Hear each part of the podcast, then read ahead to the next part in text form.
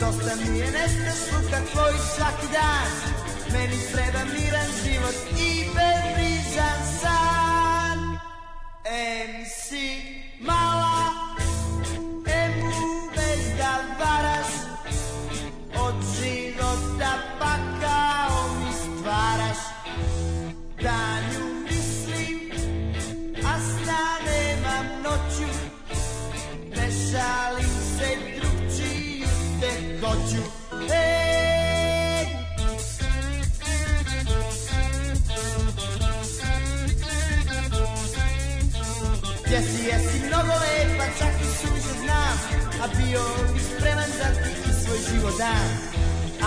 Da ne želim to nikada ne Jer kad mala doktor dođe Ta mi ljubav mre MC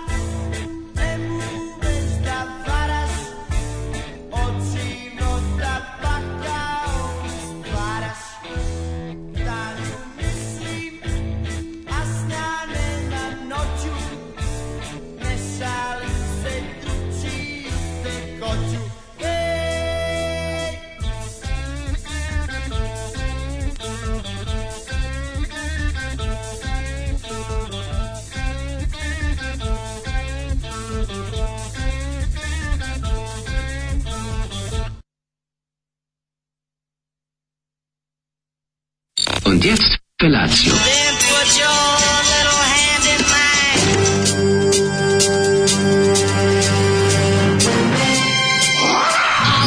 Grupa rozvojenih mladića trči po studenom vazduhu pre zore. Alarm! A e, ima da kane, nema problema. Svakog radnog jutra, od 7 do 10. Hajde,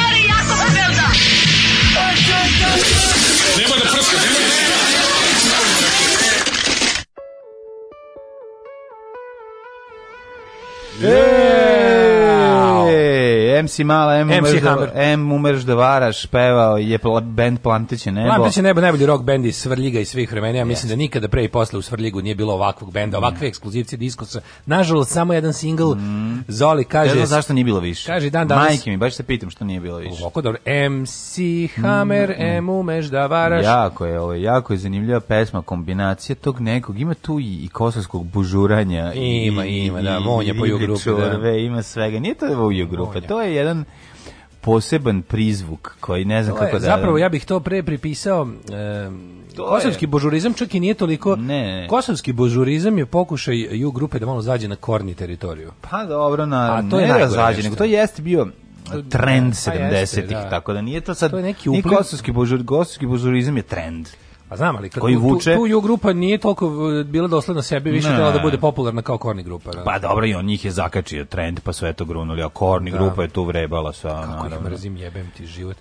Ovaj dok se Recimo da još uvijek nisi za još uvijek nisi za za ovaj za volaju grupu, ali ima još si mladi u vreme. Vidio sam tebe, to sam te da. ti kažem, vidio sam tebe debelog, starijeg jedno 15 godina kako ideš na pecanje na biciklu, sad si prošao pored mene. Toliko sam se sme. Sad, sad jutros. Da, liku papučama, ćelavi. Toliko mi se spava da moguće da sam i sam sebe video. Nisi, nisi, znači, da si onu kanta, kantariku od Jupola. A, ona kantarika za ona, ona, kako bih rekao, ona, o, ba, pa čovjek kant... je optimista.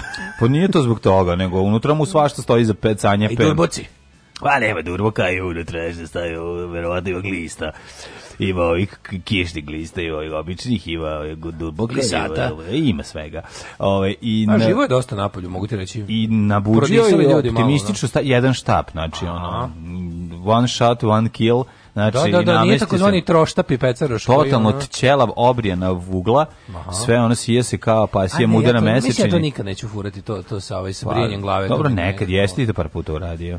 Nisam, ja znam samo vidim kako izgleda, samo jednom sam u životu. To pa je sećam sad. Dobro, neka to samo jako sam, kratko, pa, pa ja, da, mislim da, da izgleda. Da, Ali jednom sam baš obrio da vidim kako izgleda i, i, ovaj, i onda me peckalo, na pa mi se nije svidelo. Naravno, naravno. Ove... Kaži mi, jednom si obrio pa te peckalo, pa nemoj stavljati do, na, na to ovaj brion, pa neće peckati. Nije ni peckalo samo po sebi. Aha. Od ovoga... Od, pčelavost, pecka sama po sebi. Pčelavost. Ja sam jednom e, obrio glavu. Da pozdrav za druga MC-a, vrati nam se na Cam Unity. O, MC, Ove, ovaj, nego sam teo da ti kažem mm -hmm. da Um, ovog, zapamtio sam ovo, pošto je Zoli već ranije puštao ovaj hit jednom, zapamtio mm -hmm. kako mhm. izgleda ova grupa, onako, onaj lik sa onim cilindrom i to. Onako, pa svrljiški cilindar, svrljiški klas, cilindar klasičan da. svrljiški cilindar. Koji Koliko su... mi se spava da ladno spavam. Pa svima Ove. se ovaj, spava ljudi, morate razumjeti. E, pa smo prodisali, je, a, samo to, nego kako bilo je, kako se lepo. Prijatna noć, znači vetar i Charlie, a po mom tijelu čak sam morao ima napraviti jedan mali prebačaj preko bubrega, nekako. Ej, ja isto. Ja sam mogao znači, i pokrivao jutro. Cepalo, jutro sam zvodio sebe kako sam se pokrio baš. Mm, pa bi, a to je najslađe. Da, da. Kada na, da. kada ovaj ok... da bilo pravo. Joj, kako bi. Znaš kako, osjećaj bio kao da neko otvorio rashladnu vitrinu i da je malo polivalo iz nje po tebi. Znaš kad legneš koker ispod ispod rashladne vitrine. Čuješ najtužniju rečenicu. Kad sam zaustio da kažem, pa sam se mm. setio koliko jadno, al ću ipak reći. Kaži. Ko da imam klimu. Joj, bedo ljudska. Jel tu ovoga. Eto, pa vas, ako nije slatko. sramota da vam, ako vas nisam tada da vam, da, da vam nijedan, ljudi nemaju klime. Da vam nijedan ni drugi ja voditelj klime. nemaju klime. To ste podbacili vi kao slušalci, a ne mi kao radnici. Tako je. Tako to je vaša je. sramota. Tako je, i to je do neprethodne da- emisije. Da udaramo, to je do neprethodne vlasti. Ajde da to je sad rekao za, za ja, ove... Materiju, on za decu. Za už, da, da, ja to od prethodne ja vlasti. mislim da me juče Aleksandar Vučić najviše u životu iznervio. Ja. Znači, ja ne znam kako, odakle mu više snage, ide nalazi mogućnosti, ali ono svakam u čast. Ja juče... Teo, da pa zato što je I ja didn't do it boy. ja sam juče, umalo nisam ono kao tresno telefon pod odbe. Ne, ali kako te nije srava? Kako možeš, znaš, kako, koji to... Smeće ljudsko. Da, da, da. da Smeće, gade je. Gari 10 godina si Ono jebeni gade kako, si tako pogan jebote da, da. da. bog svaka čast svaka ti čast ostalo Ove, i, tako da sam se, e, a još nešto lepo mi je bilo, znači, nešto lepo, mačor moj dobri, ponovo smo e, došli, nešto počeo da opet da, da, jako da se volim, a vodio sam ga juče kod veterinari. Znači, I sve u redu. Izgleda, da izgleda da njegovo sklanjanje više bilo od paklenih vrućina, jer nije mogu siroma da se raskladi lepo, mhm. jer je bio ono sav od antibiotika i ovih feliferona i ostalo. Kako malo zaradila, tako od juče nije mrdo iz kuće, sladak je bio tu, bio nije uopšte odlazio tamo Dobro, kod komšiju. Dobro, A juče sam ga vodio i nije se nadurio posle toga. Ne. Znači, bili smo kod veterinara, dobio, dobio tri injekcije, vadili su mu krv, baš su ga na, mamu namučili mhm. jednog. Ej, dobri su mu rezultati. Ispali mu leukociti, se prepolovili, iskočili mu eritrociti, iskočili mu trombociti. Bravo, nema temperaturu već 5 dana. O, bravo, gotovo. I je bio to jako je to. sladak. Pa nije to nikad nije gotovo. To će morati povremeno da mu se boostuje ovaj, znaš, on je leukemiju, bih ga, moraš da paziš. Ali je ovaj toliko bio sladak, mhm. juče je došao da se mazi. Tako to to nije baš to, ono bre, čoveče, dve nelje nije radio. I tako mi je bilo, tako mi je bilo milo kad sam ono Volim kad se maze, ja sam mačkar, kad sam ga video, kad sam ga video da, da kad, kad sam legao da mi stiže da se onako ruku, da se uguzio, da mi legao pored bubrega i posle sata nas stiže drugi. On tako spava u mačkama, kako je to slatko. Onako, kao da je Fino zima. To spavanje kao da je zima, da. Spavanje životima. Ja kao da tugo da nisam. Sećam se sam jednom na moru pre par godina zalego i da je veliki zlatni receiver legao pored mene i da sam ja stavio glavu na njega i rekao sam sebi sad ako crknemo da alergije nek crknem a, da, a sad ću da spavam ću slatko sad ću da spavam na psu i lepo je i onda lepo ujutru i onda ujutru moja omiljena već već ako čimao se razdani i, jedan s jedne jedan s druge s druge strane šapom tap tap tap ustani, da gladni smo, ustani, gladni smo. U koliko sati straže? U 5 i 10. O, pizde. Znači, ma i možda i ranije. Da znači, kažeš ono djebite ili moraš da onda, onda, onda ih stresem, onda, onda, onda sa slatkoću, ovaj, dosta mi slatkoće, onda mm. šutnem jednog, šutnem drugog. A pa moram se pokrijem. još malo, pokrijem se i onda, ali su dobri, ali oni, oni od tada pa do, do jedenja onako čekaju. sede i čekaju, znaš, da. sede, onda kad ustane tako komu Pa zato što im druga opcija moraju da idu love. A, tako da bolje, bolje da sede i da čekaju. A nisu svarili ni večeru, jedu govno, razumiješ. Da, da, oni u stvari imaju tebe, a ne ti njih, to sam ja sve dok ja nemam vam klimu, nije me sramota i čak mi je drago što vi nemate. Slušaj, hoće raspravu za trotinet, ja bi vas sve na stadion Vojvodine koji to vozite. um, Nemojte ljudi, to svi misle dok ne stanu na trotinet, a kad shvate koliko je to neverovatnost, to je jedan po jedno pot, potpuno novo, novi doživljaj života oko sebe i sveta. Šta bre, kako se zove klima, a šta maštor onda da radi? Mačkovi se bude u petko Vučić. Maštor kad dobije klimu, to nije to, upravo ste, treba on sam da izmašta to sve. Slušali smo Plamtića nebo, Šazam zna, srećan mm -hmm. nam petak mhm. kurati drugari. Mm -hmm. Daško, kad si pokušao da zaštiti ženu nasilja, ona te naduvala, ali ti zato ja plaćam Patreon, meni prisutni nisu pomogli kad sam doživljavala nasilje i mrzeću ih zaovek. A mi, vi biste i zato vas volim. Allah, hvala, hvala. Koliko košta na Vobanu, Patreon i tako dalje da Daško u programu ili na Čobareu live otpeva Rising Force od Ing, Youngvija Malmstina, ali da se potrudi. Ja nisam znao da taj čovjek ima ove ovaj, vokale u pesmama. Tu me se mm. peva nešto. Ja sam mislio da on samo, samo da se gitaru. Ja sam mislio da on ja. samo siluje gitaru dok ovo ne proplače. pesma, ali ni, mislim pesme su mu baš ono, daj pesme da obrišemo dupe. Daško, da znaš, karavani su skuplji od običnog auta iste klase. Mm -hmm. Ne, ne, Daško, pa ja sam rekao, to nikada neće razumeti koja moć.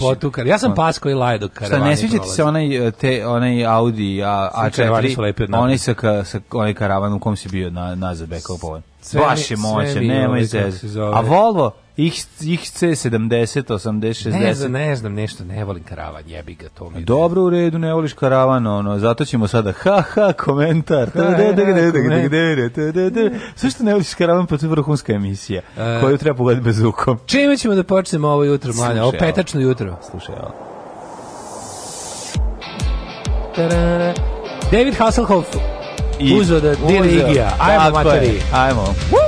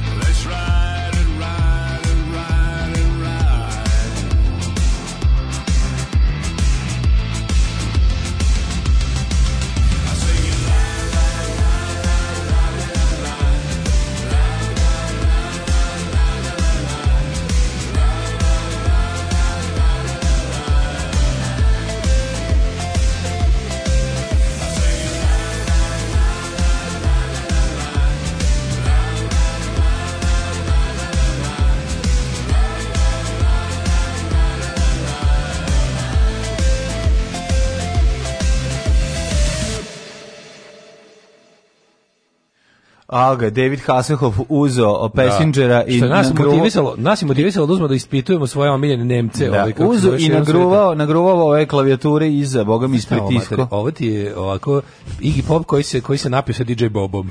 ja da je da, malo, mali ima skuterizma. Sa skuterom se da, pa napio. Pa to je to, da. E, ovo ovaj, je, ovo je Iggy Pop pao sa skutera, eto možda da se kaže. Pao sa skutera DJ Bobo. Meni je ovo super verzija, ovo mi je okej. Okay. Pa, vreme. Da pusti sad u... Volim ja Hasselhoff da pustu, da pusti da u klubu, ja bi se obradovao. Pesma je pesma, dobra je stvar, sad je, jebem li ga kako su ga odsvirali. Ja sam moj ovaj, mislio da da je David Hasselhoff rođen Nemac, međutim nije on rođen u Baltimoru, ali je bio um, u, ovaj, žive u Nemačkoj kod babe. Ko se vrati, vrati u Ameriku. Da, da, da. Pa tako mlađi užili da, da, se, da se sećamo svojih omiljenih nemaca u muzici. Znate šta je problem? Problem je što, što mi pokušavamo, uvijek se divimo ljudima koji uspeju potpuno da obrišu ovaj, akcent, da, ovaj akcent, akcent ovaj rođenja. Ovaj Amerikanac. smo shvatili da je nemoguće baš ovako da ga je dobro obrisao. Tako da je zapravo njegov da. prvi jezik bio a, Pije, engleski. je bio, tako je. A, American English, a nakon toga je pozario njemački. E, od babe. Slušaj, kod babe dok, ali, Oni mogu da govori, meni su kod babe i dede njemački i, i šta još?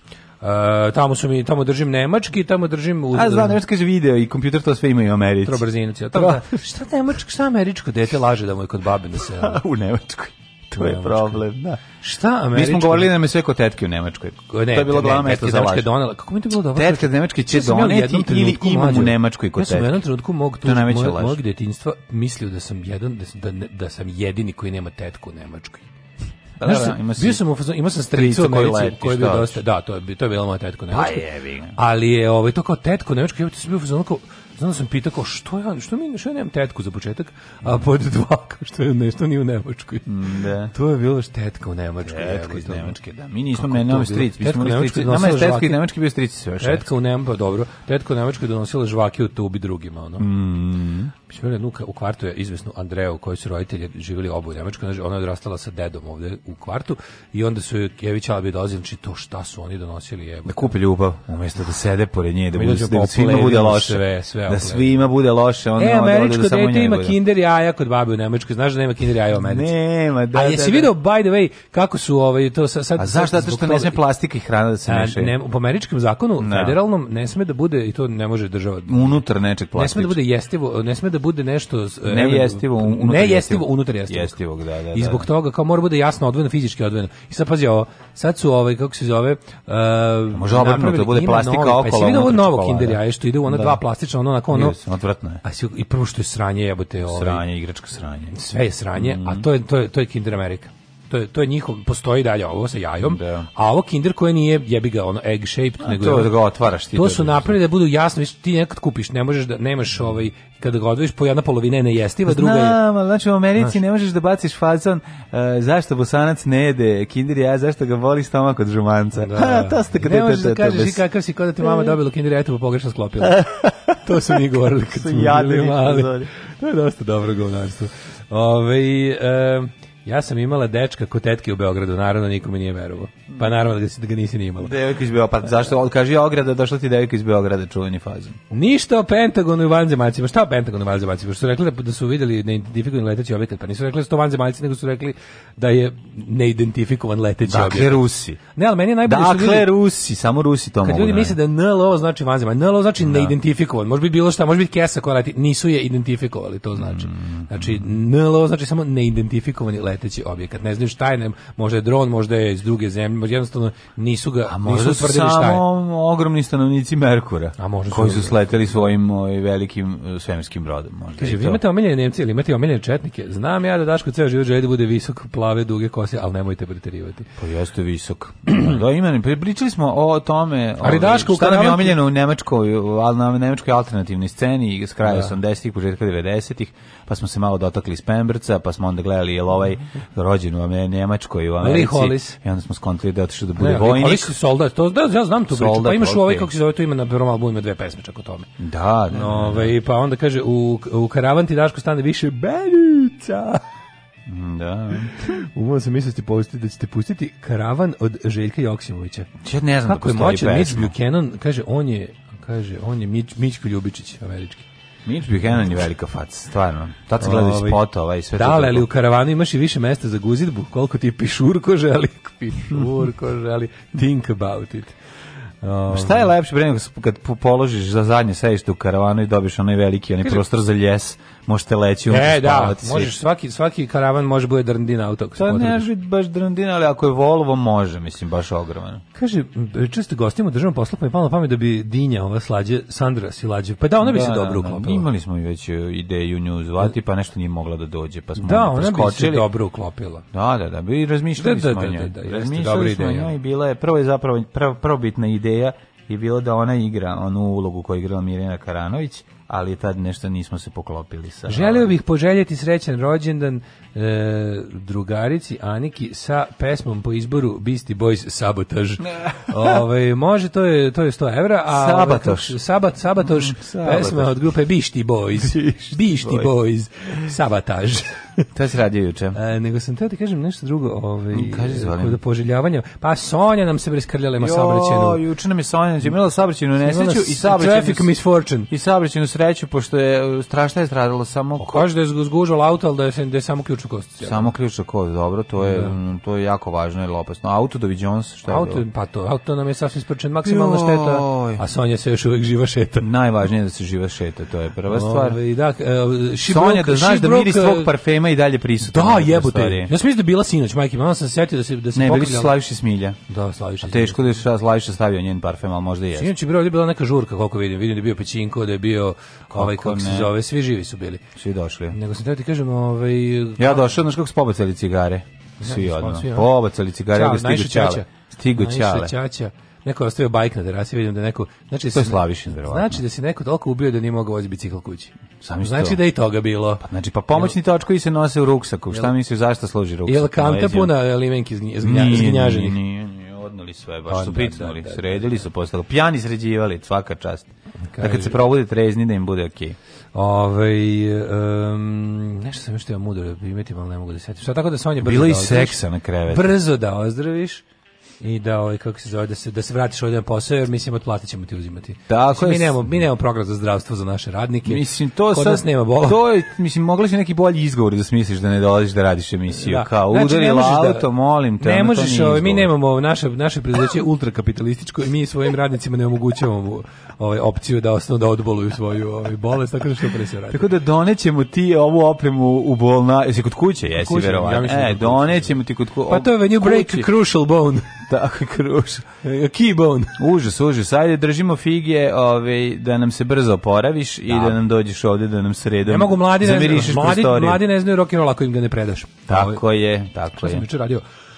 Jo, juče sam ne plapakovo neke ono neke paketine za za za, za slati, mm -hmm. za za posta ekspresovanje. Mm -hmm. Pa mhm. šta sam još ono? Tražim da. posta ekspresovanje. Jeste, uzeo sam kupio sam neku knjigu koju sam dugo lovio ovaj, za jako malo para, pošto su jako su, bez, jako su bezobrazili, sada traže za, za ovu, za Koču Popovića, za beleške uzratovanje, vidim, traže pet, oko 5000, ono, pošto su ono, no, novo, novo, novo pronađeno interesovanje javnosti za genije Koče Popovića dovelo do toga da na polovnim knjižarama, ovaj, recimo, beleške uzratovanje koštaju jako mnogo i baš traže puno, međutim, juče sam ga našao za 1500. Ma, to je, pa, to je štampano jako veliki broj primjera, to ćeš naći. Pre ili najgore i nije, verovo ili godine? nije. E, pa, 80. A onda ali, već bio nemilosti. Pa bio malo nemilosti, mm. nije to, mhm. nego je, ovaj, ima dva izdanja knjiga, s tim što bi to recimo, to bi komotno moglo ponositi. Ja mislim da bi to, reizdanje toga sa lepim, modernim mm. omotom bi ovaj izdavača izdavaču da. A razgovori, razgovori su razgovori ima skupi za za do 1000 pa dinara. Kažem ti znači pravljen. Ali ovaj ovaj ovaj je ovo je bolje, ovo je ovo je da, da. super mislim. To je baš to su njegovi e, ratni dnevnici to je ono. Mislim to znači da se nego treba imati svoju, znači Da, da. Treba ja sam svoju. kupio martovski pregovore na nailonu pre dve nedelje. A, šta ko to pisao? pisao neki... Je to kao memoarsko ili, je, ili analiza? Ono? Ne, analiza nekog poslužbene dužnosti pisao, to mi jako smešno. Pa, dobro, da, da bi kao, pošto se kao, dugo se kao, dugo se kao tome nije pričalo i onda ako su dobre, dobre knjige, dobro je objašnjeno. Jel ima šta? kako je išao Đilas u bioskop, to je najvažnije. Pa ne, nije tako urađeno. Urađeno je prilično, realno su objasnili šta se ste... Šta, pa Realno, jeste, išao u bioskop. Išao dobro, išao da pregovore, ja vidim što sad radi. Što ne, odi, koji istuširao se spavao u hotelu. Kao da je, ona mislim prič fore bila da Nemci nisu nikada poslali, ne znam, koliko nisu poslali um, um, oficira koji je bio niži po činu i koji zapravo nikad nije viši oficir bio zato što oni ni po Hitlerovoj jel da naredbi nisu smeli da pregovaraju sa njima, onda su oni to napravili nešto interno Ovo poslali. Interno bilo. Pa da, interno, majora, znači... i zapravo je bio svi su se grbavili da se to kao ne dešava, Ma, a zapravo su svi su a da samo zbog razmene zarobljenika. A znaš je bilo? Ovi su imali Razmena Major koji je bio iz neke dobre porodice. Mm je ovaj i njegova ta mislim mm -hmm. tu su tu su partizani zarobili ozbiljnu grupu ljudi među da. kojima je bio taj Majer koji Majer možda nije toliko jako visočan ali ovaj lik bio specifičan iz jedne fine Aha. plemičke porodice pa su zato pokrenuli celu akciju žitbra, a da. ti to onda pametno tražimo vrate ženu je mm -hmm. mislim ta tamo je bila bivša žena Hertuhas mm I još puno, ali ona to nije znala. Još puno, Da još puno, da, da, bi, da nije, nije, da, nije znao da drugarica Davorijanka već preuzela. Nije znao da on reality u guzi već od Nije znao da ti to, ovaj, kako da revolucija ne može čekati. Nisu imali televiziju. A nisu znali da revolucija ne može da, da, da. čeka. Pa ti praviš haos u zadruzi, druži pa, ti Hvala pa Bogu, pa, šta da ja sam morao nastaviti da štampam. Ove, ovaj, E, ovaj, e, kaže, slupala auto, a samo slomila privezak na ključu u obliku kosti. Jeste. Ove, ovaj, šta si radio? Um, pa ništa, evo, ja sam juče malo čitackao, malo sam, gledao sam živjeti kao sad normalan svet sa, sa žerom, bilo mi zanimljivo da pogledam. Nova epizoda. Nova, da, iz, iz ove iz e, crvena jabuka ima nove tu iz perioda no, ove iz perioda ovog m, pandemije, tako da je bilo interesantno. Poslednji album Crvene jabuke kao And then they went back to roots, ako si primetio malo pa, gitarski i malo... Nisam slušao. Pa ja sam čuo nekoliko ali pesama, pa sam, ali sam onda, onda malo... Ovaj, nešto malo čačkao, eto pa sam video da su u dve, pre dve godine nešto pokarabasili među sebe kao, valj, navodno kao žena nije, ovaj, firma njegov žena nije isplatila neke nastupe ovaj, bubnjaru i ne znam kome i onda je tu baš mi bilo jako tužno što sam uopšte to pročitao. Da. Sad šta je to, znaš kao sedan, sviraš 30 godina s njim. A mlađe nama pankerima. A bubnjar je ostao s njim 30 godina. Znaš, nama pankerima je neverovatno da pod jedan bend zarađuje od svirke, a pod dva da tu ne, da to treba da. kao da to treba, znaš, u fazonu hmm. mi kad bismo Ja stalno mislim da tu došlo do neke greške. A ne da. do a ne do namernog Koja je najveća kinta koju si dobio za sviranje? Sećaš se od najvećeg honorara kao završiti koncert dobio pare? Sećam se.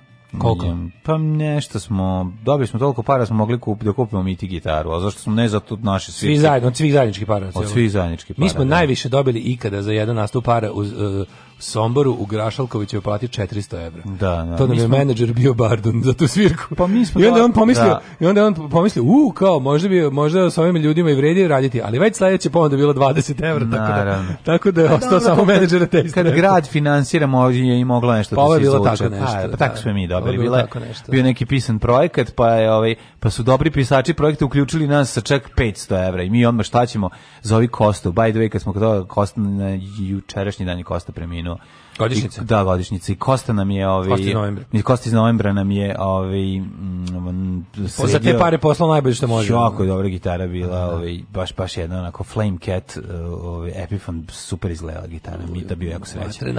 Tako da smo eto ovaj, uspeli da se da od tog tih te lojko došla iznena. Samo smo se zbunili. Inače ne nikad nismo pre ništa zarađivali, uvijek je bilo ono za gorivo. Mi smo jednom dobili 400 i... evra da podelimo, naravno, da. i to je bilo stvarno, bili smo znako, e, imamo menadžera. Jednom smo dobili pušlo od 200 dinara, jako puno po novčanicu 200 dinara, što nije bila jako velika lova, ali je bilo interesantno, stigle su pare direkt iz neke banke, isto bilo neko uh, financiranje sa strane gradsko ili nešto. Tako ja sam shvatio zapravo po novcu koji je došao tako u nov nepipnu da ispod Čekića. Da, da. ispod, došao ispod Čekića, ali mi smo bili ono, naš, u veliko gazde i mrve velika, a ovo baš nije bila velika mrva.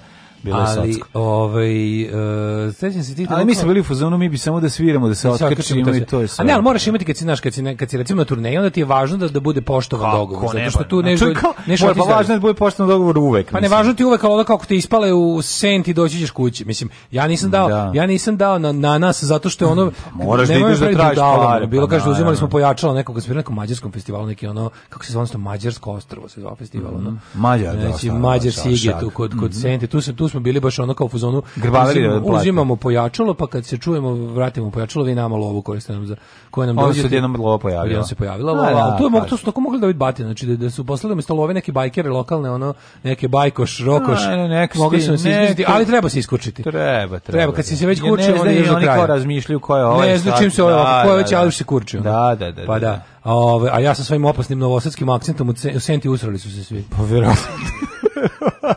a jedna je bila slična situacija e, kad smo svirali u gde smo, gde smo to bili u Peruđi, ja mislim u Italiji, da je isto bio pokušaj da lik koji je isto... A da, ali italijani mekane žabe, italijani samo vikneš odmah idu po pare. Tu bilo dobro, znači, tu je bila Peruđi, mislim je bila Peruđi. Uglavnom se tu smo svirali na gradskom trgu i, uh, ove, i tu nas je neki mislim tu isto bilo neke, to su bile neke pare, dali smo, da li smo mi svirali tu za neku za neku političku organizaciju ili za sam grad, nema pojma, to je ostalo nejasno, moguće da je, da je, da je ta stranka, ali mislim to su neki pa, partidori fondacione komunista, ono. Mm -hmm. Ove, ovaj, moguće da su oni bili tu lokalna vlast u toj opštini, da smo mi bili uglavnom liku kome je bilo povereno da dostavi novac bendovima, taj je nestao. Pobego je avionu u Englesku. Jebote, naš menadžer i drugar David Kupoglavi. Evo ga navato. Kako je navato, kako to bilo dobro kao guys, you go back to your rooms, I will deal with this. da ne gledate ono, da ne gledate violence. Tako i treba. Da ne gledate kako je to kada Nemac više nije saveznik Italije nego okupator. da.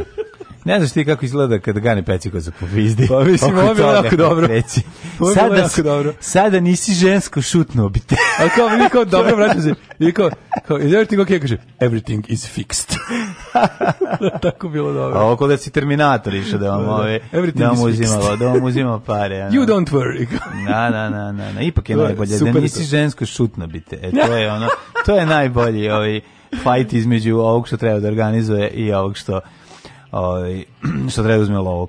Tako da mm, šta sam ti još da ti kažem? Da, tako bio jedan onako dan sa Žerom sam završio, pa mi je bilo onako interesantno da ga slušam kako izgleda. Prvo mi je fantastičan outfit koji on i dalje fura, to je nevjerojatno. Zaista za starke, to znam, nego nego te kreacije, te jaknice koje on ima na sebi, te neke, Do. Da. kao izgledaju kao da su šverane iz Turske. Ako pa svaka pa, mu čast. Neki žere izlako, baš stvarno se obliči kao dečačić. Pa da, što se obliči kod dečačić, obliči se kao dečačić 1984. Pa kome ča, žera, kome keva dala nešto iz Nemačke. Slušaj, žera Razumeš, izgleda, a nije bira. Žera izgleda kao kako RTS zamišlja mlade. Pa moguće ja, da? tako, da, da, da, da. da. Kao statista i srećnih ljudi. Pa da, jest, ima taj, kažem mm. ti, ali ima to dobio si nešto iz inostranstva, nisi sam birao, nosiš ga, srećan si što iz inostranstva, nisi baš srećan kako izgleda. Kao, aj ti budi mladi, šta treba? Znaš, aj ti ovi žuti kačke. Znaš pa šta da najviše mrzim, recimo, kod outfita? Evo šta, recimo, šta, šta, šta nikako ne podnosim? To je kada se mešaju um, dve različite šuške, recimo, denim uleti u kožu ili oh. ili znaš kao denim u kožu je dobro, ali šuškavo, znaš šta je bilo najkr najkrđe? Ne, oni onako, oni Dole. prelivi, prelivi, ne znaš ti to, to je jakna Recimo, a, znam, evo sad ću ti objasniti, ovako, znam, ide tek, Texas jakna, popular, popularni gornjak, a na momente ima Kožne. običnog sukna. A sukno. između, znaš, on ima svile neke ili nešto mešano. Kombinacija gore kao šuško, ja, šuškova trenđa dole farmerice. Ma ne to, ne to, nego mešano na samom, na samoj jakni. Na samom artiklu, da. Turski, jako izgleda, ono kao Opa, turski iz 80-ih. Da, da, da, da, da. Šta znaš, je bilo tako? Neki emblemi, neki onako... Bilo je, bilo je, čekaj da se sjetim, bilo je tako treša neko kad se, kad se napravi ovaj Znaš šta misliš, na kao kožna. E, pa, I, znaš šta bilo? Moram da sećaš onih najkroj, da se da kažem, to je tako dosta italijanski. Kroj je odličan. To je italijansko sve. Ne, kroj je odličan, ali je sam ono mešavina tih materijala. Gore, brede, je predseljačka, dizelaška najgore na svetu. Ali dizelaški ima jadne, dizelaški se jakne bile jadne, bile su one. kožna jakna, sećaš? Ma odvratno. Znači, recimo da. rukavi od one da. trenerka svile, telo od kože. a to smo dobili. Pa onda ja dobio ovde za državni posao. Pa onda ovaj najgore stvar, Stefan to doneo, to je super. Šta sam za naše super seljačke. Pošto ono 90-ih to je bila stvar koja jako puno koštala, je bila masovno falsifikovana, mm. one mhm. Chicago Bears jakne Chicago Perijan. Bears. Sve Chicago e, Bears, to je neka, ja ne znam koja je to da. firma, ali uglavnom taj original je jako mnogo koštala, ali niko živi nije imao original. I onda kad sam jedno video Batu da. Kan Kana mhm. u original, to je bio sam u fazonu kao, wow, ovo je seljačko isto koji kopije s pijace. sam pomislio. Fukaš, mali, fukaš, Fukan, gospod magister. E. Fukan. Tak, tak, tak, tak, tak, tak, tak. Svakog radnog jutra od 7 do 10. Alarm.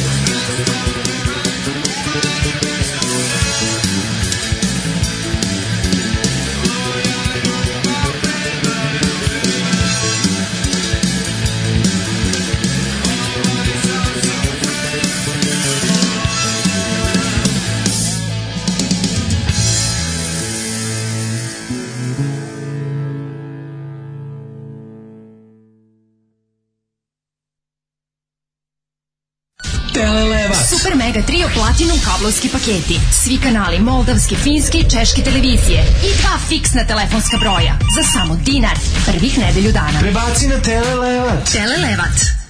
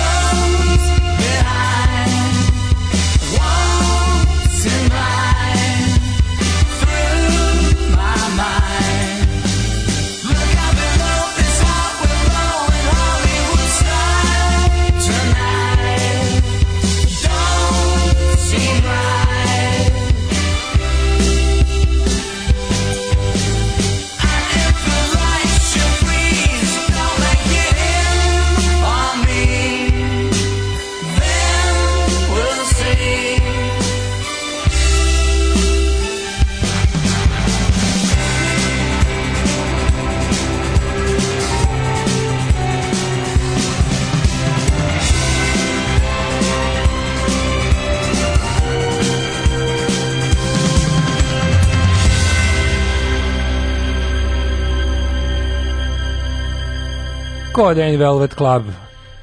I Genijalni. Hollywood jeste pre toga. Gospodin Fratelli koji razbija gospodin Talenat. Pre toga smo slušali Novembar i 1992. E, Novembar da. jeste u spomen Koste. Sa ove, ovaj, albuma De Goelo.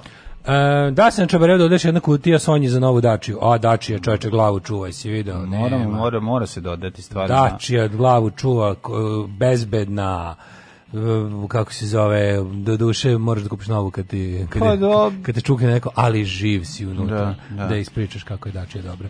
Ove, e, žera je kao krpena lutkica, nekako ne pomera vrati ruke. Da, da. Da, jedna čudno, kretanje, upravo ste. Mm. Ta željena mode fazon Đura u busu ometa turistički intervju i fotobombingu i prvoj sezoni nadrealista. Mislim da nekog čak tu i prebije. Ove, mlade, hoćemo mi polako... Ajde, ajde, idemo.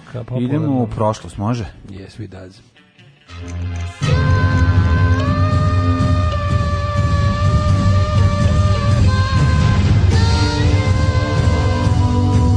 Dogodilo se na današnji dan.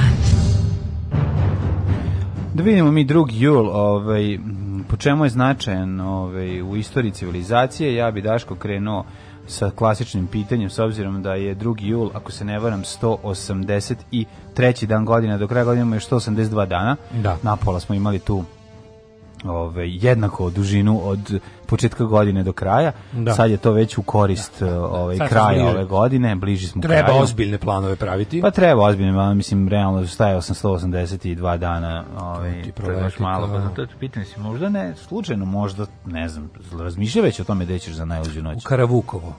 Karavu, da napraviš karavu ko jebinu. Da idem da napravim karavu ko jebinu. Dobro, dobro, znači, da. Da, da, da, da okay. Nikad nisam bio u Karavuku, ne znam u kom pravzu da si neko. U Bačkoj, to negde k Somboru. Mm, jel tamo? Ja mislim da tako nešto. karavuku. Mm, ne, ja, ja mislim da Karavukovo nešto kad se ide tamo ček. prema Beški, pa da tamo se negdje odreja za Karavukovo. Karavukovo, sve ti kažem, da je Bačka. Pa sad da- nik nisam vidio znak za Karavukovo. Don't zezmi. Pa kad si, mislim, nisi nikad vidio znak za Sombor. Vidio Problem sam, sa Somborom što... Kako nisam vidio znak za Sombor, kad idem za Maglić i vidiš, imaš... Jeste, upravo sam, Vest Bačka distrikt. Veste koje, koje, ovaj, koje manje mesto je pored? A koje je manje mesto? Pored Karavukova? Da, da, da. Ne znam kako kak si ideja sada, kao ću iznalak sada da Karavukova bez, e, bez toga da imam GPS. E, Ođeci municipality. A, to je u pa Ođecima, znači ide se tamo u tom pravcu. Na da. tu stranu. Bravo, da. bravo. Kaže, it means the place of the black wolf, Karavukovo. A, nije place where the... Čitam englesku Wikipediju o Karavukovu.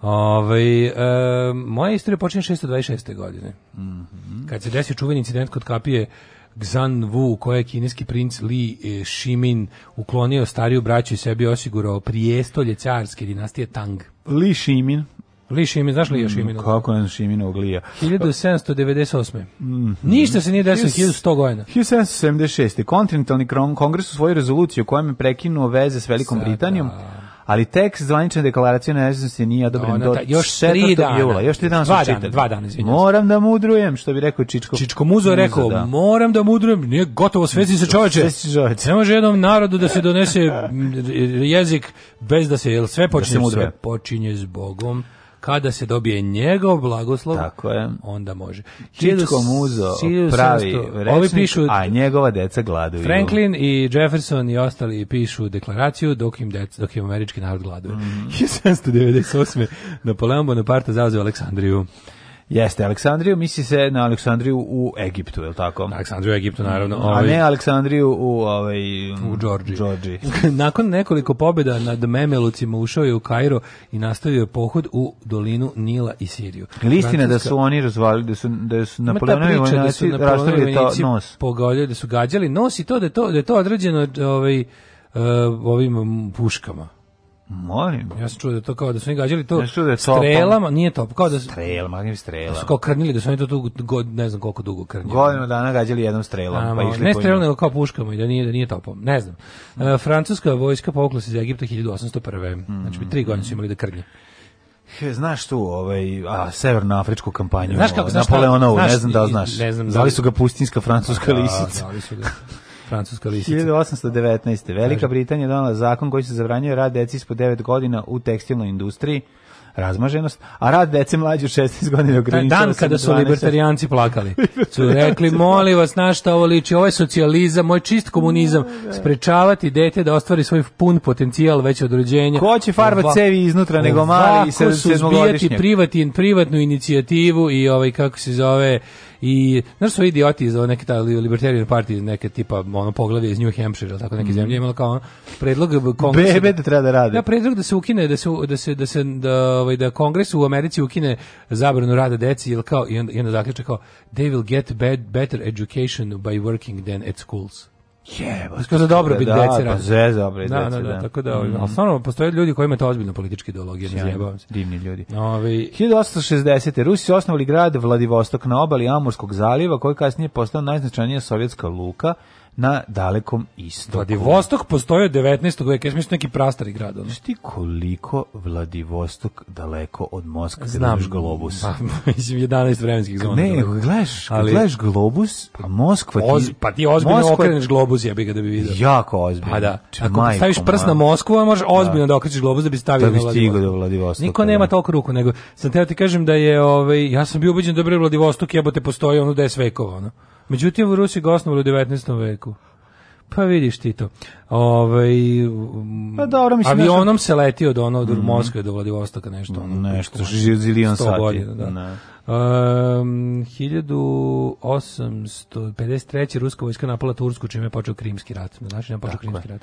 Krimski rat koji se završio bogami loše poruse. Uh, I na današnji dan je Velika Britanija usvojila zakon o Uniji sa Irskom. Ove, ali to je bilo na početku 19. veka još. Onda imamo 1884. 81. 81. Ajde. A, e, u Washingtonu je izvršen atentat na Jamesa Abrama Garfielda od posljedice ranjavanja umre 19. septembra. Da, ja sam ga ovaj, pogodio, ali tako, je li to odatle ili nije? Ja mislim da jeste. A doktori su o, ga ubili. Mislim da jeste, da, da, da, to rekao. Mm -hmm. Garfielda, da li njega, da li Garfielda ubio ovaj, duhoviti antitator. Jer njega ubio anarhista, ne Čolgož ili koga je, ili McKinley, ja zaboravim. Ne 1884. Rano je, a i petak je, koga briga, koga briga. Baš stvarno, da. 1884. Osnovna je Narodna banka Srbije, čijim je pun naziv u vreme pisanja glasio privilegovana Narodna banka o, da, Pa i danas Srbije. tako glasio. No. Da se zove privilegovana, privile, privilegovana banka Srbije, treba da se zove samo. Američki kongres usvojio je Shermanov zakon 1890. prvu akciju američke vlade do, o, da ograniči monopole. Um, samo sekund pokušam da vidim. Samo na ljudi se čoveče je bilo, znači monopole su ograničavali. Assassination of James A. Garfield, sam da vidim koje. Aha, dobro. 1900. godine. Grof Ferdinand von Zeppelin izvršio prvi let vazdušnim brodom, dirižablom, nad Budinskim jezerom u Južnoj Nemačkoj. Kasnije konstruisao nekoliko takvih vazduplohova koje su po njemu dobili naziv Grof. Grof, da. I dan, i dan se govori. se Grof, A grupa da. Led, Grof, Grof i tako, tako ostali. Tako. Hitovi nije ovog, ovog Garfield ubio neko drugi, mm -hmm. onoga mhm. drugi ubio. Jedan devet, jedan Anarhista.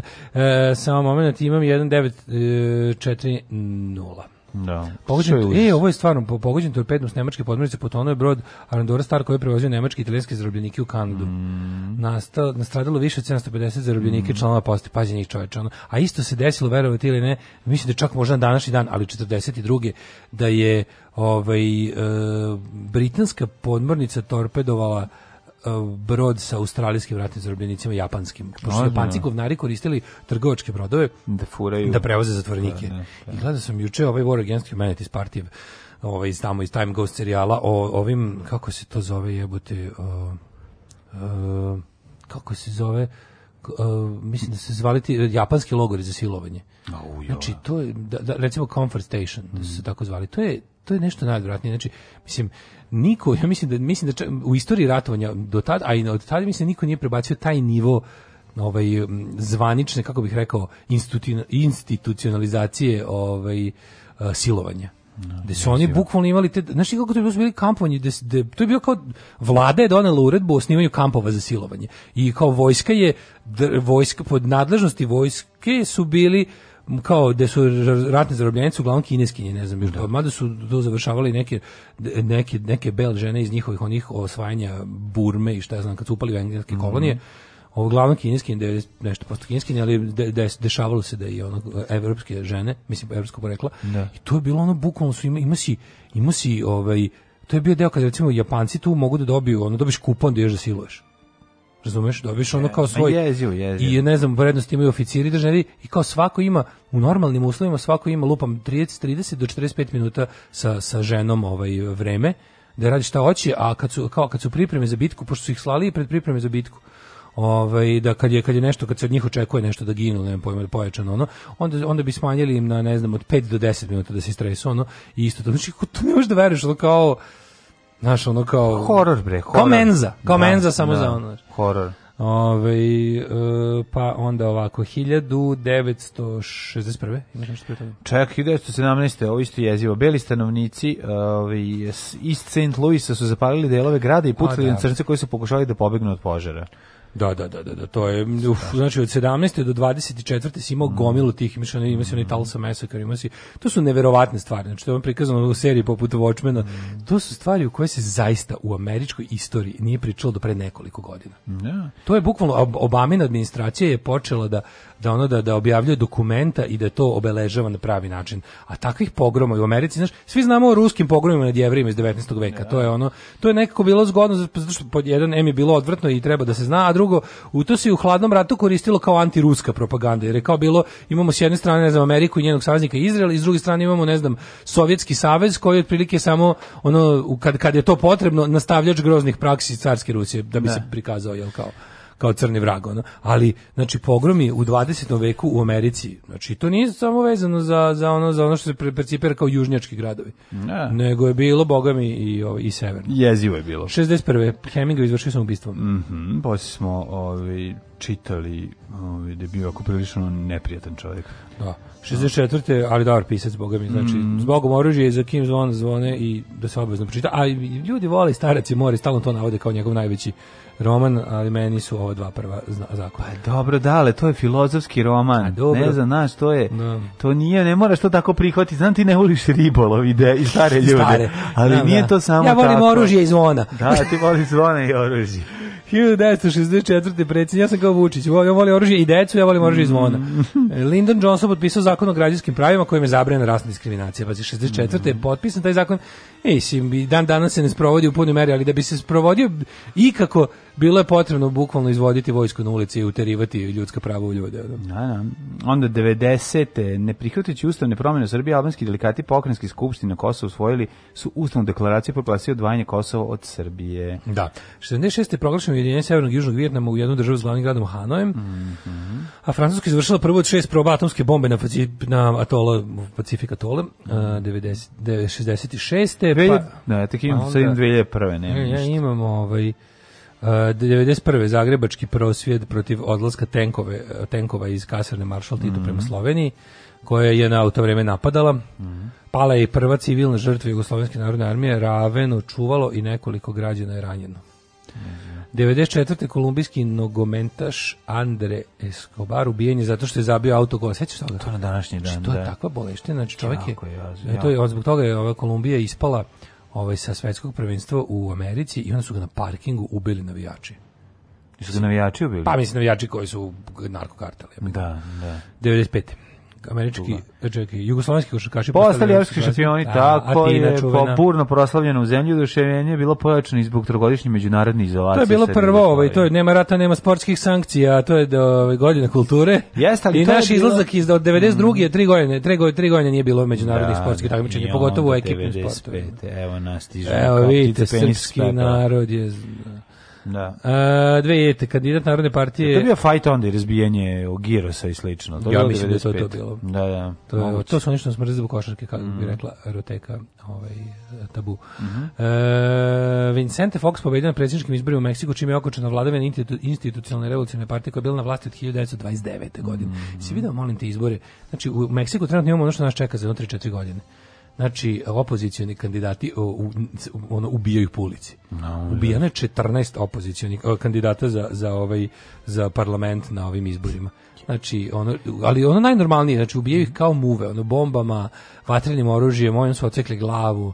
To će kod nas biti tri godine. A neće biti tri godine. Ali za četiri. Ajde. Neće kod nas to biti. Tako neće biti ubijanje na ulici bombama, a će biti ovi Biće različitih pritisaka e, drugog ček, tipa. Čekaj, izvini, zamisli, videli smo u, pen, u, pandemiji smo videli kako se Aleksandar Vučić ponaša čim svet ima druga posla osim da njega kontroliše. Da. Razumeš?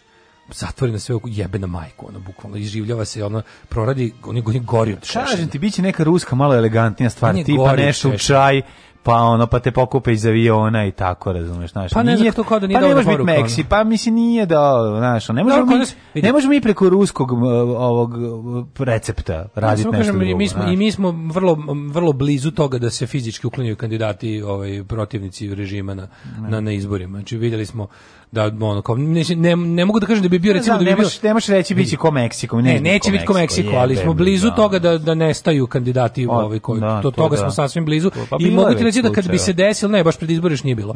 Ali kad bi se desilo ne bi sam mogao da budem kao oh, jupa zar i više bi bio kao aha pa šta smo i očekivali. Mm. Svakog tog radnog jutra. Aco, vozi me da završim tu jebenu gimnaziju.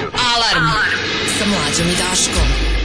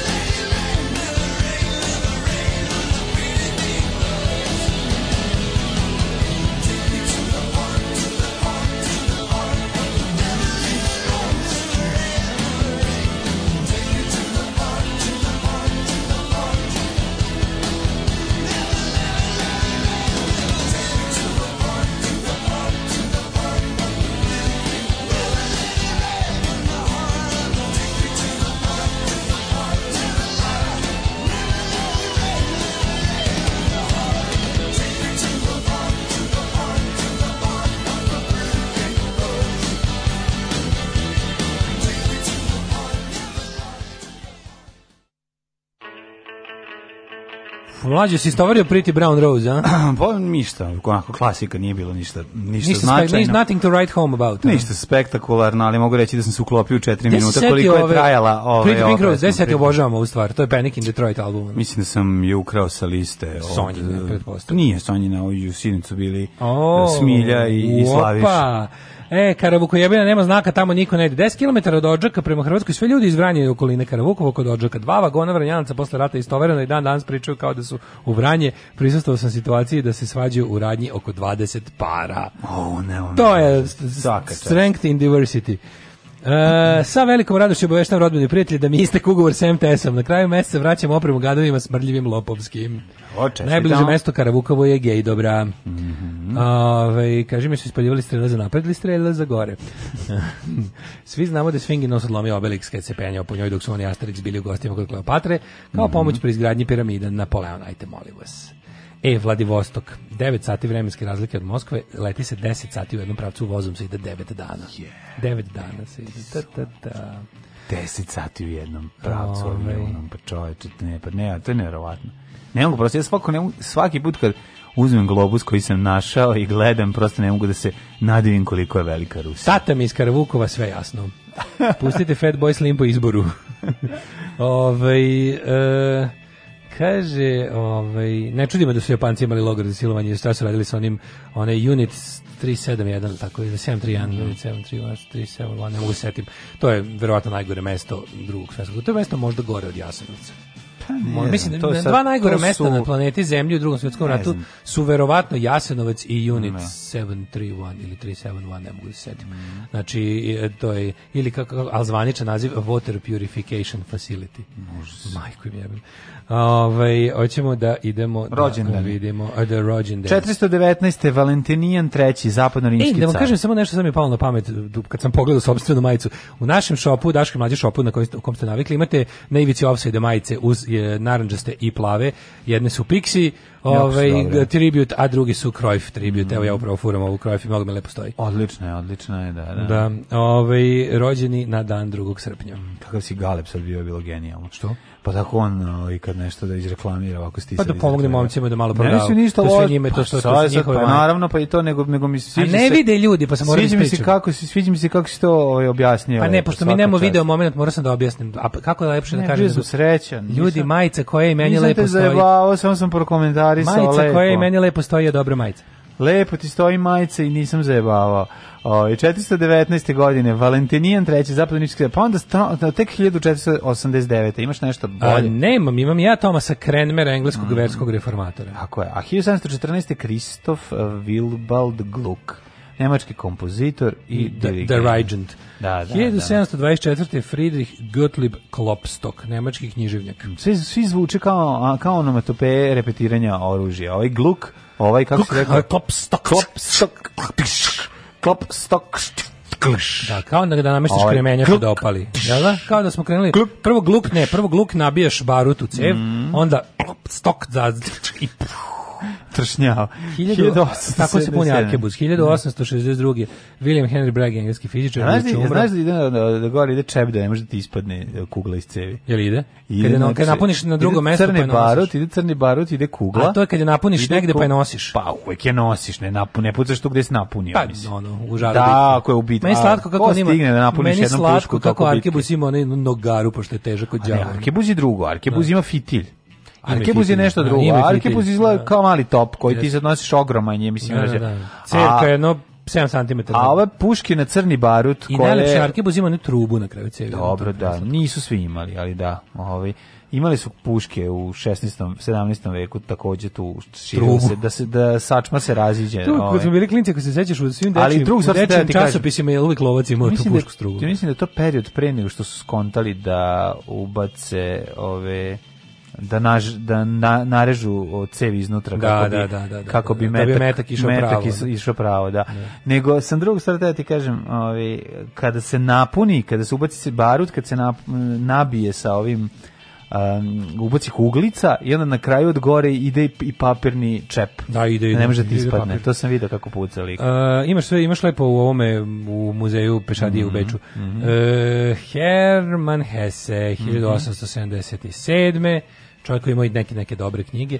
1892. E, pa rođen Boris Hagelin, švedski pronalazač. Ja seća, znaš, mislim, meni je ostala trauma iz srednje škole kad, mm. kad upoznam lepo alternativku, pa kaže volim Hesse i onda mm-hmm. čekam da, jel, da reci mi da voliš Demijena, da voliš volim igru Stepsku, onda voli igru Staklenih Ferli, Perli, pa Sidarto, aj marš u pičku. 1916. godine, Hans Urlich Rudel, nemački avijatič u Ruskom ratu, bio najveći nemački as. Najveći as, da. da on, on, leteno štuki. Ne, Lezo je leteno štuki koja je imala topove, ove, ovaj, i bio je poznat po tome što je na ruskom frontu otvarao sovjetske tenkove, tenkove kao konzerve. Da, da, da. Mislim da je imao nek, mislim da je dva puta oboren. Rudel je bio govnar koji je znao da se da vrati. I na kraju štuku sklonili. koristio kao lovca. Pošto štuka je ipak bombarder, ali da. on ga je koristio kao lovca i još je plus znao da pošto štuka je dive bomber, znači da. obrušavajući i oni imaju dive bomberi kao preciznije gađaju. Ti kao možeš da, ovaj sad mlade to te, mlade to ogromna veština. Ovaj je znao tim dive bombingom da, da pogađa tenkove u pokretu. Pa da, ali kažem ti, na kraju ovaj, kad su mu natakrili topove na, da. na ovaj, štuku, štuku on je da. bio, ovaj, znači, bio skor, pa, pa, bio, pa bio dva puta, ovaj, ovaj, ne znam, da, le, odvratno je meni nekako moram ovaj da potražim, Moram da potraži, meni fali štuka iz onih borbene avioni da, kolekcije, pa samo ona mi fali. Moram da lete da štuki, lete avioni. Nego je bio nekoliko puta ovaj, obaran, su ga na kraju sklonili, zašto je bio jako važan za, zarad propagande. Jer je da, bio da, da, jer smelo, bili su u zonku, ovaj ne sme da nam pogine. Mislim da on ima najviše obornih aviona u drugom svetskom ratu uopšte. Ne, ne Amerika nekoga, aviona, ne šuštenih tenkova. Ne, a tenkova da, ne, ali ne, nije najveći jaz drugog svjetskog rata, to je malo disputed ko je zapravo, ali je fora što zbog toga što su ga sklonili kao važnu propagandnu ovaj stavku, onda nije više mogao jebiga da on je stavio, on je valjda 43. povučen iz iz, iz borbenih Da Sad ćemo da vidimo. Ovaj, e, um, e, Boris mhm. Hagelin, švedski pronalazač i uh mhm. -huh. šifrant, 904. Znaš ko je rođen danas? E, vlasnik firme Majicu Saždeicu, e, eh, Rene Lacoste. Ren Lacoste, aha. Da, drugar moj, drugar moj ima napravljeno mm, ovoga mhm. Ralph Lauren polo, znaš, on nekako izlazi znak, onaj čovjek sa mm -hmm. onaj što na konjenik što drži ono za polo, ono. Da, da, da, da, da, I ima dole ovaj kako se zove napravio na iste majici to, a ispod ovog obna obrnuto krokodila koji leži na leđima kao riknut. I piše marka Sveti Georgije. Kad pomešaš Ralph Laurena Ralph i Lacoste da, dobiješ da, Sveti Georgije. Koji ubija za žvaku. Koji ubija za žvaku. Posle rata Rudel je postao blizak prijatelj i poverenik argentinskog predsjednika Juana pa Perona. Napisao knjigu Uprko svemu kao i knjigu trećina koja se zove Štuka pilot u kojoj je da, podržao većinu nacističkih stavova. Pa Smeće pa, bre, čovječe. Da, da, da, Štuka pilot, da, to su i nemački naci bendovi imali tu pesmu. Mm -hmm. Juri um, Vladimirović Andropov, rođen 1914. Pa Inače, onda... evo, on je ovaj, Jako zanimljivo takođe jedini pripadnik nemačkih oružanih snaga u Svjetskom ratu koji je odlikovan viteškim krstom, govozdenog krsta sa, sa zlatnim hrastovim lišćem i dijamantom, mačevima i dijamantima. Da, da, to, je, to je kao naj, ono, To je najveći, da. to je to je ono kao gvozdeni krst, eh, ono ne znam kakvog, mm -hmm. ono mhm. nad nadreda, ono. Mm -hmm. 1918. E, pa, amputirana mu je noga, pa je zahvaljujući e, prote, protezi nastave da leti. Da. Uh, da. eh, 1918. rođen Krcun. Ali ne, meni se meni inače se sećam tamo negde od polovine 80-ih, pošto mene užasno izuzetno zanimala je to kao drugi pa rat, tenkovi, da. avioni, ostalo onda mi malo mišlo i, i, sam sam jedno vrijeme bio žrtva tog mita o čistom Wehrmachtu, da kao ono, ah ti asovi, znaš, kao oni su da, okay. oni su bili samo kao veliki majstori, profesionalci. I to je to je neverovatno da je to taj mit živeo čak i u Jugoslaviji, to kao Romelu, o Rudelu, o ne znam tim svima, pa ne, ne, znam, znam Imelmanu, ono. E, ne znam Guderiju, kao oni su samo veliki, znaš, kao Šta kao samo veliki pa od svom 41 srušili grad, oni pobili narod, zapalili ne, biblioteke. Ne, nego je posla koga bre vi zajebate, pa ti ljudi, znaš, a kad si klinac, pa, znaš, ono, SS-ov, da. kao, nauči se kao SS-ovci, to su oni što su ubijali zato što vole, a kao Wehrmacht, to su, kao, to je moglo biti svako, kao, to su mobilisani ljudi, Ajde kao, mislim, okej, okay, dalje stoji da je, da je ono Rommel bio genije, onog ratovanja pustinje, da je stvarno tamo, da. Ovaj, da je stvarno čuda pravio sa onim što je imao tamo protiv ono, onih vojski, ali, ono, kao, izvinite, vi ste svi, ono, deo združenog zločinačkog poduhvata i svi ste gadovi i svi ste nacisti bili, ono. Ove, ovaj, 1923. rođena Vislava Simborska, poljska književnica, dobitnica Nobela dobila nagradu za književnost što kažu što kažu ovaj drugovi Nemci ako za stolom imamo de, ovaj 10 ljudi i jednog nacistu koji je glasan u svojim stavovima i 10 ljudi kojima se ne suprotstavljaju za stolom imamo 11 nacista. Ove, e, Krcun, 1918. godine, učesnik naoslobodačke borbe, društveno-politički radnik, pa onda Patris Lumumba, 1925. Kako mi je ova slika, kako meni presladak, Patris Lumumba je tako sladak. Mm. E, 27. James Burroughs Edwards, američki zubar, vojnik i političar, treći sekretar energije SAD. No, ej, 58. rođen je čo, Čoki. Kićo je. A, Nebojša Čović. Nebojša Čović, govnar. Mm. A to je čovjek koji možda, meni Nebojša Čović onako, kad ga vidim, tako te njegova kao smirnost, tiš, pogotovo kad stavi cviker, to sve, on je tako meni nekako baš, kapirim da on, kao onaj, on me podsjeća onog iz... Gre, je sneča onog glumca što nikad ne znamo kako se zove. Sneča bre, onaj, sneča onaj što, što baca ljude svinjama, onaj bricktop. Da, da. Znaš, onaj, onaj, onaj glavni krimus. Meni, e, meni je to Čović. Meni ne, meni, meni je to Čović. Meni, kao sve kao super, i onda kao kapiram kad ono kao, znaš, uvijek je tako smiren i ono, ne, ne, ne, ne, ne, ne, ali ga zamišljam kako ima neku prostoriju koju ono, razumeš, ono kao, gde je moj Hosenpfeffer, ono. Ove... Meni liči na onog glumca kad skine naočare, na onog, kako se zove taj lik, što nikad ne znam, kako se zove, što la, nešaj na Laneta Gutovića. A, Rade Marjanović. Rade Marjanović. Jeste, liči na Rade da, da, Marjanović. Da, pravo si, apsolutno. Carlos mm. Menem, argentinski političar i državnik, Meneš Menem, Richard Petty, Petty, eh, američki vozač trka, pa onda Kent Clark političar, Franjo Kuhar glumac. So, ka, Franjo glumac kuhar, Sofija Juričan, srpska glumica. Umrli je današnji dan. Čekajmo Sofiju Juričan. 936. umro Henrik I, nemački kralj. Mm -hmm. e, 1566. umro Michel de Notre Dame, poznati kao Nostradamus. Mm -hmm. Lekar, astrolog i prorok. Jean-Jacques Rousseau, čitajte svu trojicu, odlični da. su, pa onda ovako, Porfirio Diaz, 1915. Milan Makanec, političar 1883. Porfirio si rekao, Amelija Erhardt, letačica 1937. Mm -hmm.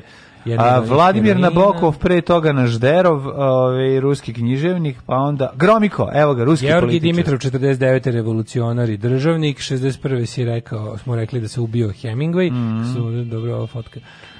Preminuo Borisov Pekić 92. godine, književnik, jedan naših najboljih Čak pisaca. imali smo ih eh, Eriha Hekela, slikar i grafičara, na Bokova si rekao, Hekel, Andrej Andrejević Gromiko, mhm, političar, mm -hmm, rekao, Pekić si rekao, i evo ga, ubilo je Skobara, onog futbalera. A Mario Puzo, 99. 97. James Stewart glumac, jedan od da. omiljenih Hitchcockovih. 2011. napustila nas Olivera Marković.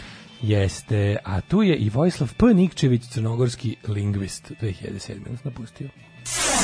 Kako ću ti se usrati u život, kurvo? Alarm svakog radnog jutra od 7 do 10.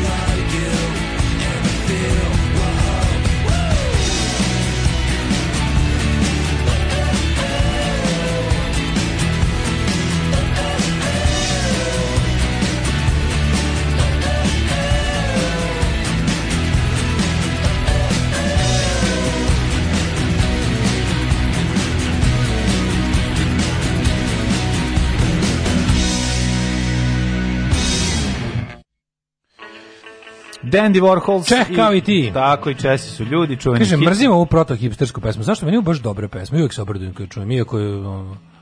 Ne znam, lepa mi je, vesela mi je, dobra mi je, nekako vesela nije irritantno vesela, ne znam kako bih mm, rekao. Da. Mene od Japanaca nikad ništa ne može iznenaditi. Pred kraj rata leteo na Fokken Wolfu 190 iz zezanja i mhm. postao as. Istim Fokken Wolfom pobegao od Rusa i predao se Amerima. Uh, kaže, da, da, da, baš je Top odlično. Eh, kada Brick Top kaže no, I'm sweet enough, kada ga pitaju će šećer u kafu, jeziv lik. Da, to ne crnim crnim cvikama, je li tako? Ove, ovaj, šta misliš, Daško, koliko si po sobstvenoj proceni snošaj propustio u životu zbog elitizma koji gajiš kad su knjige, muzike i slične stvari u pitanju? Dosta.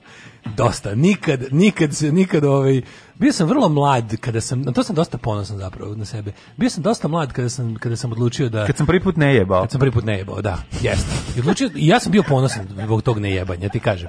Znači, kad sam prvi put odbio da slušam o horoskopu i, i o tome da ne postoji Bog, ali postoji nešto, neka sila, nešto, i kad sam rekao ne mogu da slušam osranje, makar ne jebo i otišao i tad, od tad sam shvatio da ne Čekaj, mogu da nešto te pitam, evo sad da ti darabu mamara, sad brate da ti dođe da ti skine ne, gola. Nemoj tu brate, stani, nemoj, čekaj tu. brate, čekaj ovako, stani.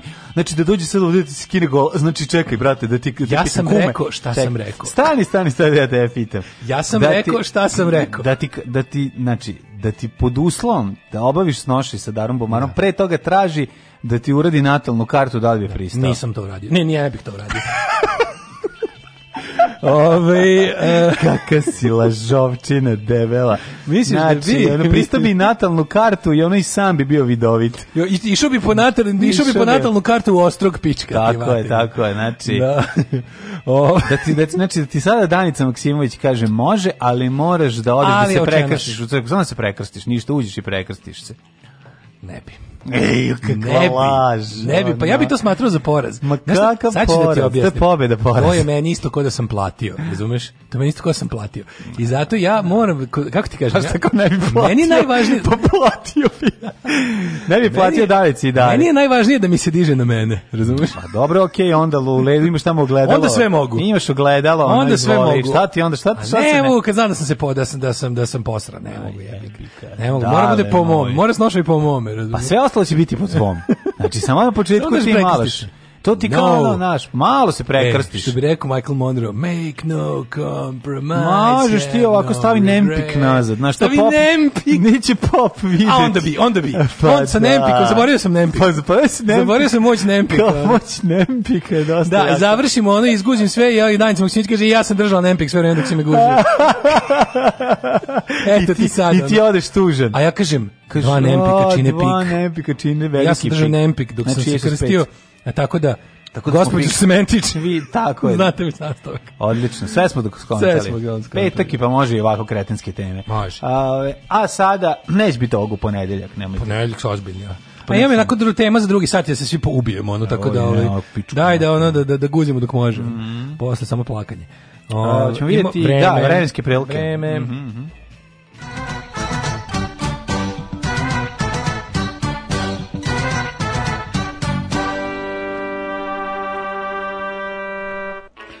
Lažeš debeli. Pristao lažeš debeli i za veliki indeks bi se prekrstio šest puta. Pristao bi i na natalnu i na analnu kartu. Nije, da, ja, da. ja sam stari, ja, ja idem po slavama na koje me zovu, ali ne, ne učestvujem u ritualu. Samo u mm-hmm. ritualu ždranja učestvujem. Mm-hmm. Ove, ovaj, kaže, ne bi, posrbi se po sebe. E to, mora prvo da se na sebe lođe, prvo bravo dale. Da, Žene me razumeju. Žene me razume, zato tako i dobro prolazim kod njih. Ne, nego žene ti veruju. Žene, najveće najveći veruju. grba, ne žene, žene te razume. veruju. Žene ti veruju. To je velika to je velika razlika između žene ti razume, te razume i žene ti veruju. Nemojte mu verovati, to je jedan halavi užasnik koji laže sada čini Sad, sad znam kako do Daška, Duško. da. Duško, pa važno je da mi budemo dosledni sebi. A to šta ćemo nas dvojica jedan drugom da uradimo, to samo mi znamo. Dru... To samo mi znamo. To, što je sve drugarski, to Tako je u redu. Je. Treba se ispomagati. Palić 19, Sombor 20, Novi Sad 20, Zrenjanin 20, Kikinda 20, Banjska Kralac 20. Kakav se lažov za dancu bi prešao Islam. ne, primio bi Island ljudi, šta vam je taj čovjek? S, Sremska Mitrovica 19, Valjevo 19, ono, Aj sad da te pitam, evo, pa na, da, na, na koju se najviše ložiš, cura? A ne bi, čoče, ne bi. Kako se zove ona tvoja? Ne bi radio nikako. Kako se zove ona tvoja Angelica Houston? Ti Angelica Houston, kako se zove? Moja najduža, najduža da, ljubav, Gina Gershon. Gina Gershon, ne. A misliš da bi Gina od mene tražila da padam nisko? Sad pričamo, mislim, prvo, ne verovatno hoće da ćeš ti snošajiti s Ginom je nenormala. Tako da je samim ne nemoguće, tako da je u redu. U redu da postavimo pitanje. Ne bi na prednjakušu, ne bi panda. Ne bi guno 10 čvaraka u dupe za milion dolara. Bi. Dobro. Pa to za, al to nije, razumiješ što kako ti kažem. Ne, stani sad. Pojao bi pa govno od slona, sledeće pitanje. Sledeće znači, pitanje. Nema gadosti. Petak je, ja, ja bi sve žive gadosti radio. Ma u redu je, stani sad. Gadosti bi sve žive radio, nego nešto što zadire u moje vrednosti. Dobro, evo sad ću da pitam. Pa. Čekaj, pa formiram pitanje za pitanje. molim. Koliko smo puta ovo prošli, možemo još jedno. Ne, da li bi, da li bi za 10 miliona dolara da. pri, primio hrišćanstvo? Ma ne bi, čovječ, ne, ne bi primio Bilo kog, bilo kog. Ne bi nikakvo hrišćanstvo primio. Bilo koje konfesije. Ne bi se, ne bi se. Subota je. Nikak, ni mi, nedeljare, ni minju subotara, ni ništa. Ni za 10 miliona dolara. Pa mislim, ono možda, ono kao... Ni za 10 da miliona da- dolara ide no, Danica Maksimović kine gola. Ne, ali to, to ti, za, to ti razumeš kao, to da me pitaš... Dobro, da li ovde pričam za potrebe programa, zabavno je, pička u materinu, pusti malo. A ti sad glumi moralnu ne bi, vertikalu, ne bi, a svi znamo da, da bi prešao preko toga. sam dobro znam. Pa, znaš, ne znaš koliko su mi para nudili, ne znaš koliko su mi Znaš koja bi to radost bila mojim neprijateljima, čovječe? Znači, da znači, kao, e, kao vidiš da sve imaju cenu, vidiš i evo ga i ovaj, evo ga srao, ja vidiš da bi se prodao. Ne bi Šta se prodao? Pa za 10 miliona dolara se prodao. Pa jebate. Možda bi me oni čak i cenili. Koji tvoj neprijatelj? Za možda bi me oni čak i cenili. Za 10 miliona dolara možeš da kupiš nove prijatelje, cele, one iz početka. Mogu i nove da neprijatelje. prijatelji. Mogu i kupim neke bolje neprijatelje. A ostaje Danica Maksimović. Ne da kupim neke bolje neprijatelje, ovi su stvarno jadni. Ove neprijatelje što imam baš od bruka. Ono, sramota su i za mene i za sebe. Bravo, dale, moramo da. vertikalo. Ovi. Uh, idemo da vidimo vremenske prilike. Mm -hmm. Sad kad smo zaključili da ona, baš sam teo da ti ponudim 20 miliona dolara, da. ali ti ništa. I, a to s našeg zajedničkog računa? Pa na, što ti ne znaš. E, juče sam, juče, od juče više nemamo, vo, vobanje nestao iz naših života, mladi. Nema ga uopšte. Danas ću prvi put račune za ove našu, za ove naše studije, ovo sve ostalo, mesečne račune da poplaćam kao OTP klijent. mm, ubiše Vobana. Ubiše Vobana. Ne, ne, to je to, ne, ne, to je ta, ta mađarizacija društva, to je horor. Da, da, da, da, jeste, jeste, da, da, da, mora sve zeleno da bude. Tako je. Ove, Subotice 19, Sombor 20, Novi Sad, Zrenjanin, Kikinda, Banatski Karlovac, Loznica 18, Mitrovica 19, Valjevo 19, Beograd 19, prijatno jutro, može se reći prijatno svežije jutro. Mm -hmm. Naravno, kad je pre, bilo 20 stepeni više prekjuče. Kragovic 20, Smerska palanka 20, Crni vrh 20, delimična oblačnost je prisutna svuda. A, Negotin 21, Zlatibor 13, Janica 14, Požega 18, Kraljevo 20, Kuponik 9, Krušumlija 20, Kruševac 20, Ćuprija 19, Niš 19, Leskovac 21, Zaječar 20, Dimitrovgrad 18 i Vranje 19. E, danas, sutra je preksutra izuzetna prijantna oblačnost. 26, 27, 30 stepeni, u ponedeonik će možda zgrunuti i neka kiša, tako da ovaj, oladilo to najvažnije. Šta je to? Šta je u stvari bodybuilding? Alarm! Alarm! Svakog radnog jutra od 7 do 10 sa mlađom i Daškom.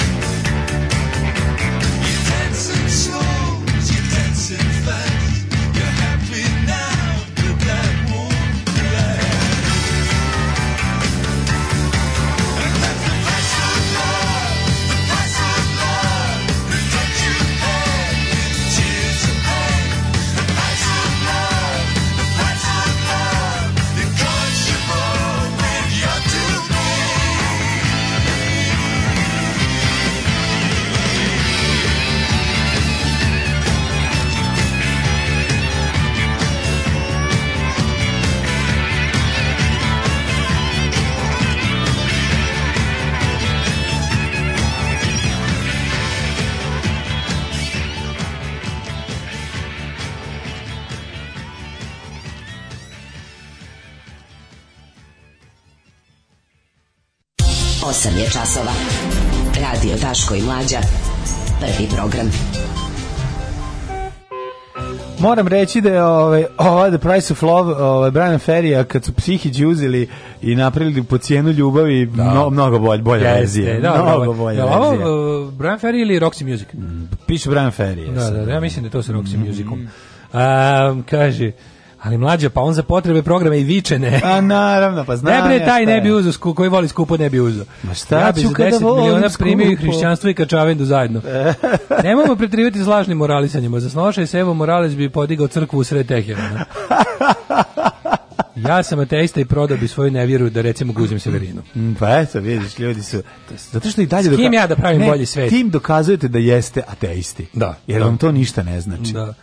A u stvari vam znači puno. Znate koja zgrada je direktno nasuprot hramu Svetog Save? Glavna observatorija RHMZ, pa vi vidite. E, čekaj, čekaj, čekaj, čekaj. Mi muškarci možemo da odbijemo snoše. Kako se to radi?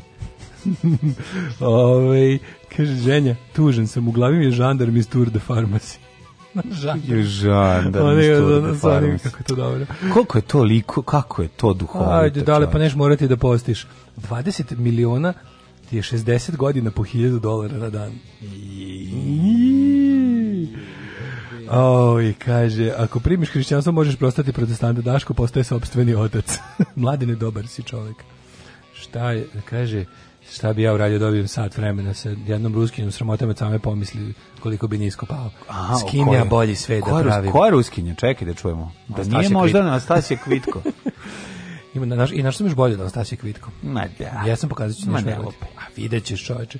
Ovaj e, šta ima da imamo ovako potvrđena e, optužnica protiv Miroslava Aleksića za četiri silovanja će biti optužen. Znači to je verovatno tužilaštvo procenilo da ovaj kako se da zove, da imaju slučaj, da imaju slučaj za mhm. četiri, da će, da će ga sigurno tu dobiti. Mm -hmm, mm -hmm. Ovaj uspeo sam da nabavim ovaj novu moju koja plane na trafici ali u maloj prodavnici ovaj, je jako slatko bilo kad sam došao, pitam, izvinite, ili ima to je svuda, ili imate možda nova magazin, kaže ovaj, svi viču, svi traže nova magazin, to je jako slatko bio prodavac. Ne, nije nova magazin, no, nije magazin, to je nova, nova, ovaj, izvinjam se list, da. List je, da. Jako se, jako se, ovaj, ovaj, mm, jako se iznenadio prodavac, bilo mu je drago, malo Slušaj, se smekio. mlađo, naslov. Ja, nešto sam ja rekao, pa tu vam je opozicija na novina, možete pogledati ponekad. Ja, ba, odmah kao, kao, istočuje strafike. Ono me stisno dugme, za samouništenje prodavnice. Ja sam mislio da će se ugušiti od smeha, juče neko okačio na nekoj trafici, da li to u Zemunu ili negde u Beogradu, znači trafika na kiosku i sad, znači, koliko je glup fazon, ja sam se smejao 10 minuta. Neko napisao, ja sam naučio da trafika ne radi iznad ovog, kako se zove, iznad svog šaltera da sedi radnik piše, ja sam peder i strelica na to to je znači, genijalno. koliko je smešno.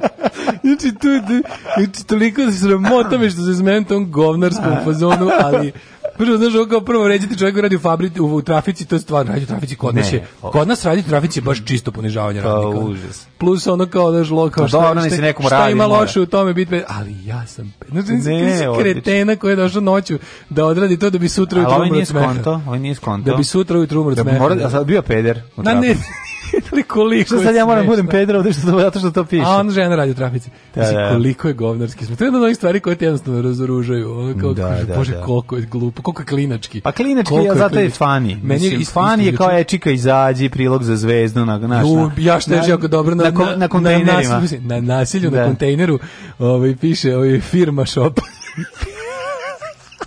Znači, to je vjerojatno NNCZ ekipa. Ne, ne, ne, ne. Samo pisanje samo pisanje po kontejneru je već samo po sebi smešno. O. Da. Znači grafit na kontejneru, znači, tamo, recimo, ne moraš nije što vidno ni šta piše. pumpe u Vojvodini smešno je. Putnika koga je zaboravio. A grafit koji treba znači, nekog da ocrni je isto firma smešan. shop na kontejneru, znači da. gužio sam se smeha. Znači to, to, to, je ono, a ovo ja sam peder strelica kao onka prorezu gde vidiš radnika, mislim to je pa jeben ti budala. Ovaj a slušaj naslov Blic, mislim Blic ono, a, Blic. jebem vam sve, kako vas nije sramota, budete ovoliko jadni. Slušaj ovo povodom završetka radova na konstrukciji Kule Beograd. Pogledaj na naslovu Blicu. Kula je gotova, na redu rast plata i penzija. Jebate, ano.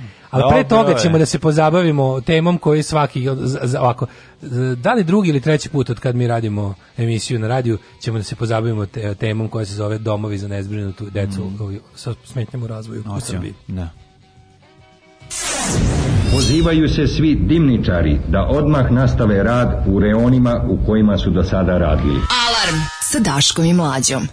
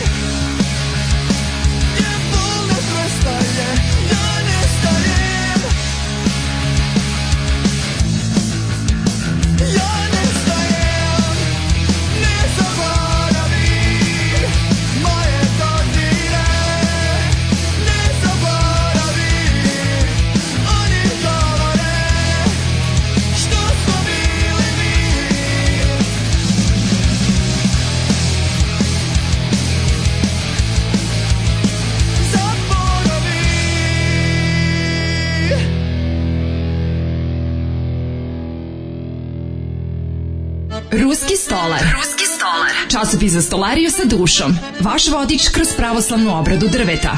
Ruski stolar. Časopis koji zapad ne želi da vidite.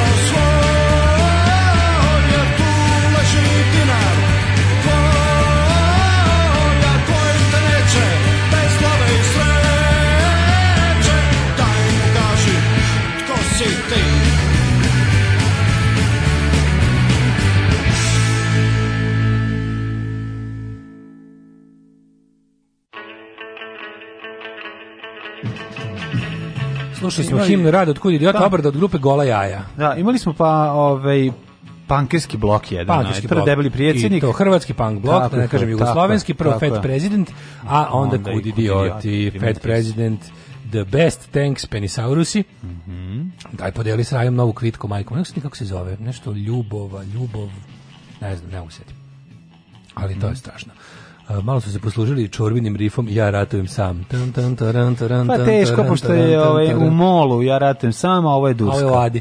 Da, ovo je malo u Adi, tako da je drugačije. Ima Ada, ima Mol. Mislim, slično je koliko su, je slično sa svim drugim rock'n'roll pjesmama. Razmišljao sam, ovaj, pošto znam da se kod nas sve teme brzo pojedu, pa će do ponedjeljka već da bude kasno. Cijela nedelja sam oklevao, zašto sam teo da vidim ceo put od otkrivanja do reakcije vlasti. Mislim, znaš da kod nas se uglavnom stvar završava reakcijom vlasti. Mm -hmm. Šta god da se desi, sve tera, tera, tera dok neko od nadležnih nešto ne kaže i to onda bude, u, srećemo, ređu, rešit ćemo, bit će, pa drž, ne daj, čao. Mislim, gde je slučaj Palme i onog seksualnog podvođenja, ovog podvođenja ne, ne, maloletnic? to je, ja sam stvarno mislio da će to bar, da će duže trajati, ako ništa drugo. I priznajem, mhm. mislim da će to biti jedna od stvari koja će nešto, nisam, ja apsolutno ne mislim, ja sam siguran da ništa ne može da sruši Aleksandra Vučića. Nikakva afera, ništa. Aleksandra Vučića može da sruši samo uh, ono kako ti kažem, gori čovjek od njega, bahati čovjek od njega, uh, suroviji čovjek od njega. Aleksandra Vučića može da sruši izvana i može da ga sruši neko iz njegove organizacije kome, ne, kome ne, on, smeta. Pa ne, ne postoji, znači, ništa politički, ništa socijalno, ne postoji ni jedna stvar koja može, ništa što on uradi. Znači, on sad izađe na ulicu da, da rokne pet ljudi pištoljem, ne bi pao s vlasti. Znači, to mi jednostavno smo prešli granicu da nas išta može dotaći, da nas išta može razbesniti, da isto kažem, e, ovo sad ne može. To smo završili, mi u tom smislu više nismo ljudi. I ovaj, zbog toga, znam da bilo šta što znaš nisam očekivao da će od Palminih ono stvari da od stvari koje on tamo radi od toga za što je optužen da će to da sruši Vučića naravno nisam sam mislio da će biti neki pretumbacija da će nekakav ono lupam sad ono zamenik predsednika SPS-a nestati ili da će pasti, da će znaš da će se početi malo druga, drugačije ponašati tipa kao u slučaju Jutke. Međutim kod Jutke smo bili nje, nje, njega srušila ovaj eh, ono njegovo seksualno nasilništvo i zlostavljanje ljudi, nego to što je ono kao ovaj kriminalni e, privredni kriminal sa, sa dozvolama za zidanje i ostale stvari. Mhm. Tu se on posvađao s nekim s kime treba drugčije da raspodeljuje pare. Tako da zbog toga je pao, nije pao zbog toga što je. A, a mislim što je najgore da bi uopšte video nešto zatvora zbog seksualnih prekršaja, mora prvo da bude u nemilosti zbog ovog prvog. Ne. Mm, da. E sad ovaj pošto, pošto kao što rekoh, jel, ovaj, naš te afere u našem društvu traju 4 do 5 dana i završavaju se tako što se Vučić oglasi o tome i zatvori celu priču. Um, tako i ovo mislim da stiglo do svog vrhunca, nažalost, a to je priča o domovima za nezbrinuto decu sa smetnjama u razvoju. Mislim, uglavnom to je, to je, to, to, to su uglavnom ovaj, čim su teško ometenu razvoj su i napuštena. Mm, da. Mislim, u većini da. slučajeva ta deca nemaju nikud da ih obilazi, bukvalno su ostavljena tu, roditelji su ih ono ostavili, pravi se da ne postoje. Ove, ovaj, I često tako razmišljam o tim stvarima, koliko je to, znači, mislim, mislim da ne postoji ono veća teža situacija u životu koja se snađe nego da, da dobiš, da imaš dete s kojom, kojom je, koje je zaista teško. Da. Ove, ovaj, pa prvo bukvalno održavati u životu, zatim starati se o njemu i, pokušati nešto. To je zaista, mislim, jedna od najtežih životnih situacija, ne znam da li. Sigurno, sigurno. Jedna ne mogu da, da se setim nečega. Ono, mislim, znaš, kao bolje, kao, lakše je da si, kad si sam bolestan nego da se staraš o nekome ko nikad nije dobio pravu priliku.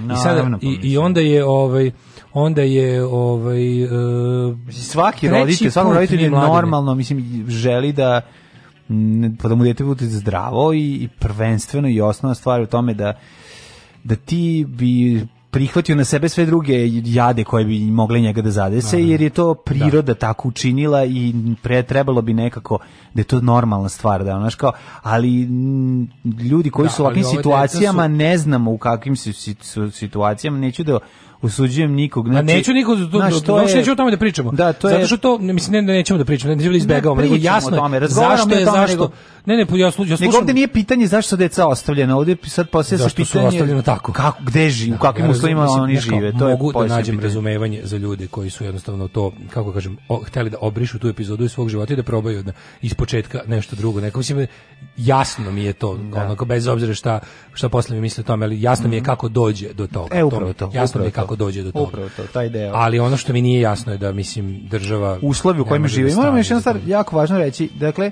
Uh, uslovi života u Novom Sadu i Beogradu su daleko su ipak bolji u ti takvim ustanovama kao nego sve ostalo navedeni je ostalo, da, da, da. jednu stvar da mogu pa da. setim jednu stvar u našoj zemlji pa zato ljudi gde nije bolje kad te već nađe ne, sranje da su da su u Novom Sadu zato imam problem sa nekim ljudima koji koji recimo poznaju ljudi koji stvarno jako puno vremena i truda i ono znoja potrše da bi održali to je deo, nešto to, ne, tako. To, to je to je skretanje s teme, to je zamena teze. Pa, znači, dobro, to da pričamo, pričamo, pričamo, pa pričamo tamo gde je problem. Znači, ne, ne, ne, nije zamena teze, govorim samo, govorim samo da ljudi Uh, moraju da shvate da postoji ogromna razlika u, u, u, u ovaj, uslovima života. A čekaj, i u... izvini, molim te, da li si primetio onu zgodnu po znacima navoda slučajno da su uvijek ti e, domovi za najteže slučajeve su nikad nisu u Novom Sadu i Beogradu. Mm, da. Znači to su uvijek kao ti kada kada kažeš kao e ima da. centar za decu koje su ono go, naš ono najteže stanje. Veterniku je u, u na Novog Sada. U Veterniku ima raznih kako ti kažu, pa, u Veterniku ti, da, ima raznih nivoa, ali to je mhm. recimo naj um, kako bih ti rekao, to je naj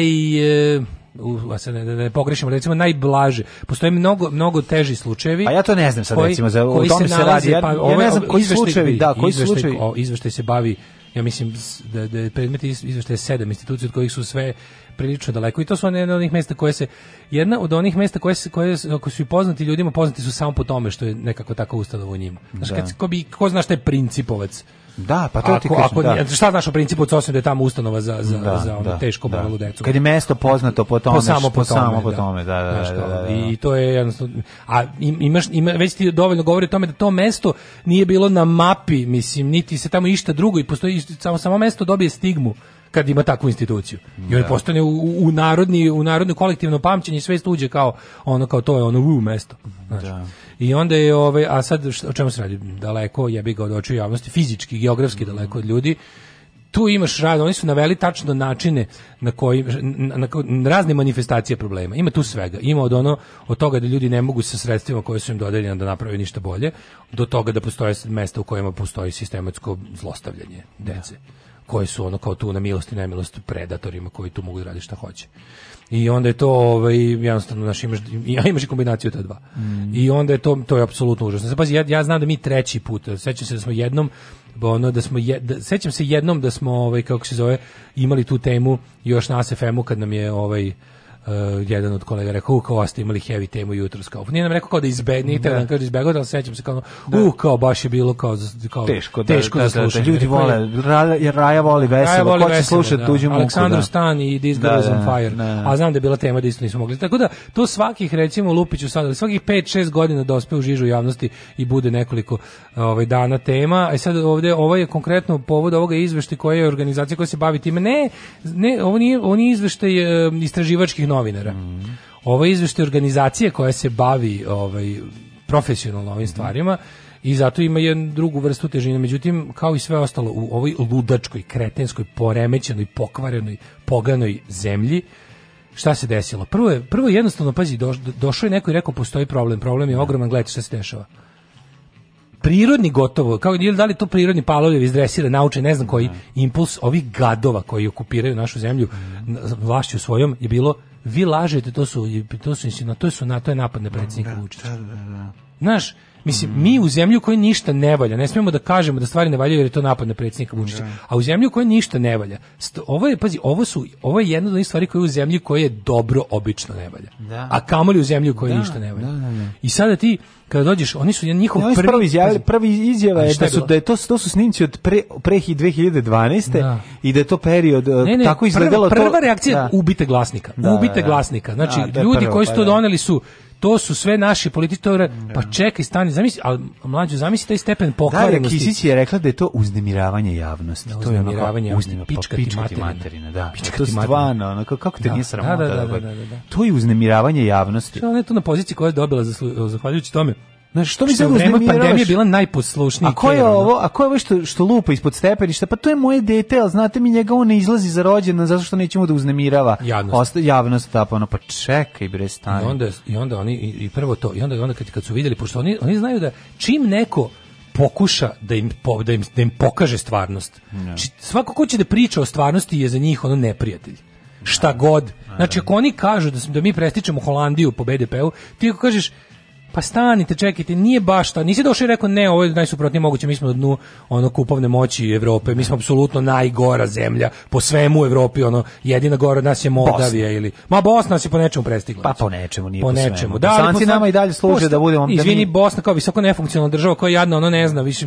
Znaš, ono postaje da. se pitanje šta bi ta Bosna Govorimo o nezavisnim državama. šta bi dao nezavisnim državama, da, da, protektoratima da, da koji su između sebe ono ono mi bar nemamo, znaš kao naša zemlja baš nije podeljena na, na dve zone od kojih jedna drugoj vadi oči. Ne. Tako da mislim postavlja se pitanje šta bi Bosna koja nas je u mm. svemu stigla, u nečemu i prestigla, ovaj šta bi radila da da mi toliko zdušno ne sabotiramo. Da.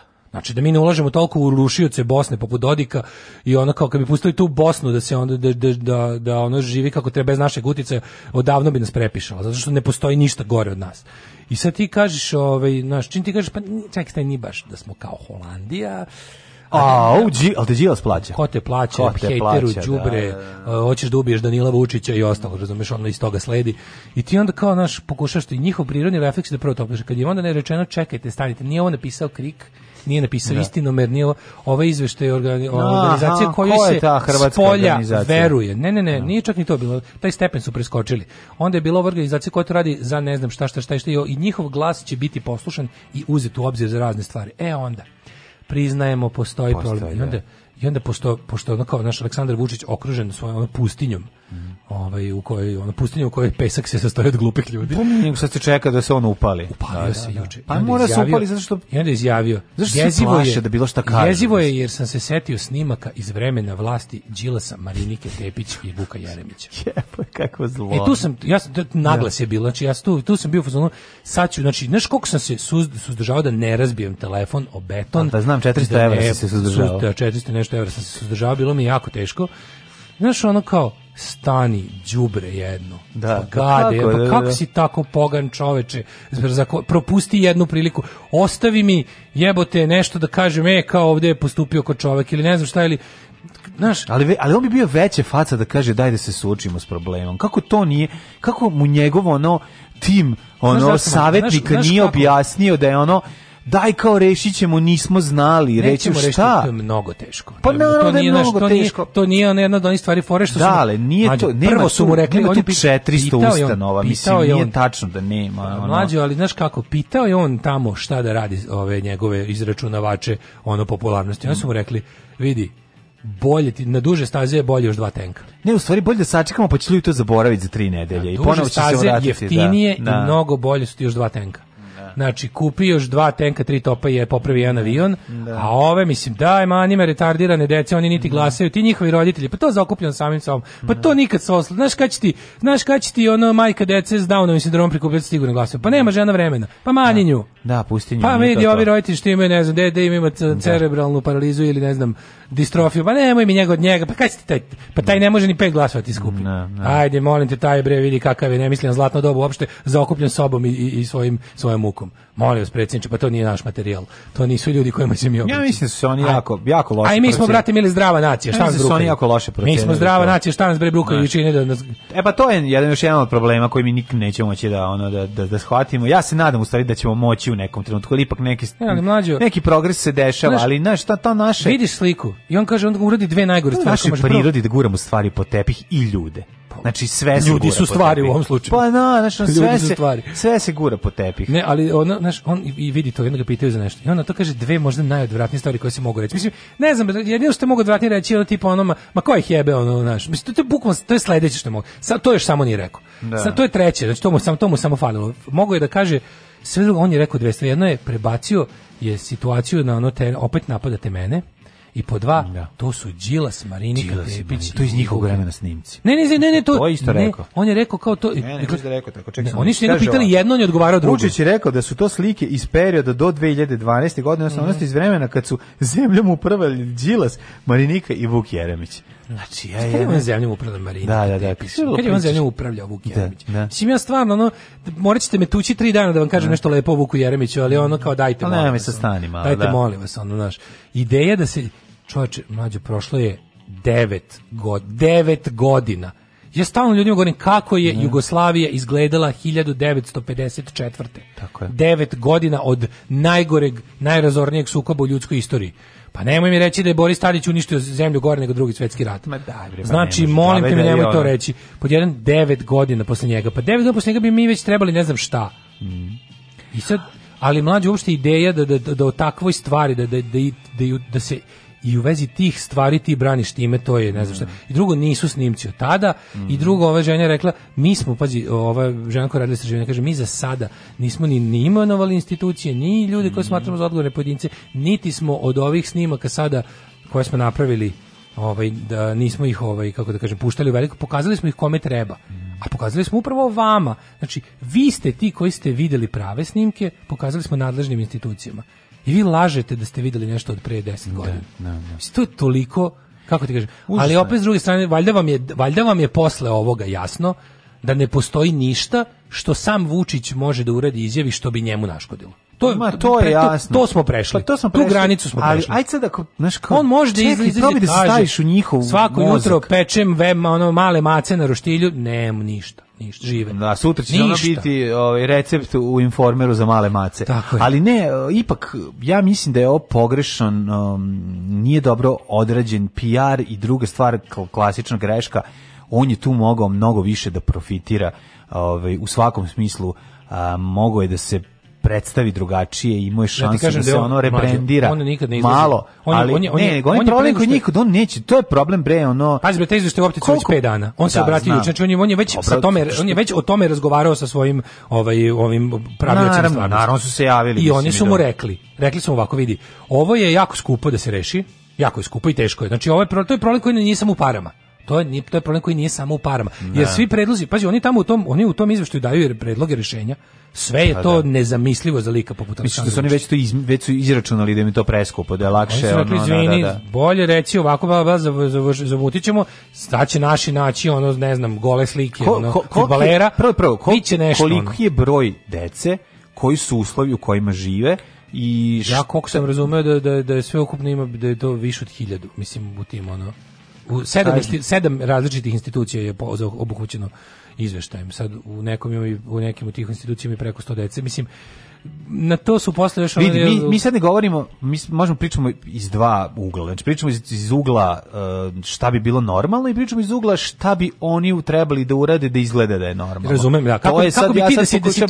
Da, da si da, ti, e, da, da, da si ti plaćen da, da, čini, da činiš Vučića dobrim? Da, šta da, bi mu da, da, da, ne, mislim, ti rekao, ti super prilika. Pa bi sad tu bila i kolateralna korist za tu decu, mislim, i za uslove u kojima žive. Ajde, igramo se da si plaćen, pa da, da, ovaj, kako se zove, da popraviš Vučiću rating na osnovu sranje situacije u pa kojoj se našao. da, mislim, imaš sedam ustanova u kojima da, početak odeš odeš tamo i organizuješ da okrečiš i da ono da napraviš potemkinova sela. To nije isključeno, to, to, je, to, nije isključeno da će ono raditi. Pa da li ako to nastupiš je, ali, tako? Sećaš se njegovog ako na, ali ima on to, znači imaju oni to povremeno. svaki školski WC u pa Srbiji. Pa to je to. Zašto nije? Košta? Pa, zašto on on je rekao da će, on je rekao, on je završio svoj govor juče s njime kao, ali ako to i dalje postoji, ja bi on, on pazi ovo. Ti znaš da će to biti izbrljavanje i smuljavanje svega, tako ali skinu skurt. Znači to videlo, da. videlo se da je, da mu je letelo u trenutku kad ga zabole dupe za to. Mm. I onda rekao, a mogao bi ja možda i da bukvalno ovako, a mogao bi možda i da odem da vidim ja to svojim očima, da vidim ja kao da. i da on mislim njih će još lakše pobediti pobeđivati u, u košarci i fudbalu, da, da znaš, da, ono, da, tako da, da, može da da se pokaže. Da ih pobedimo u šahu. vidi hodere, da, da, da, da. Da vidi malo da ona, mm. ali tu se tačno videlo ono, naš da jednostavno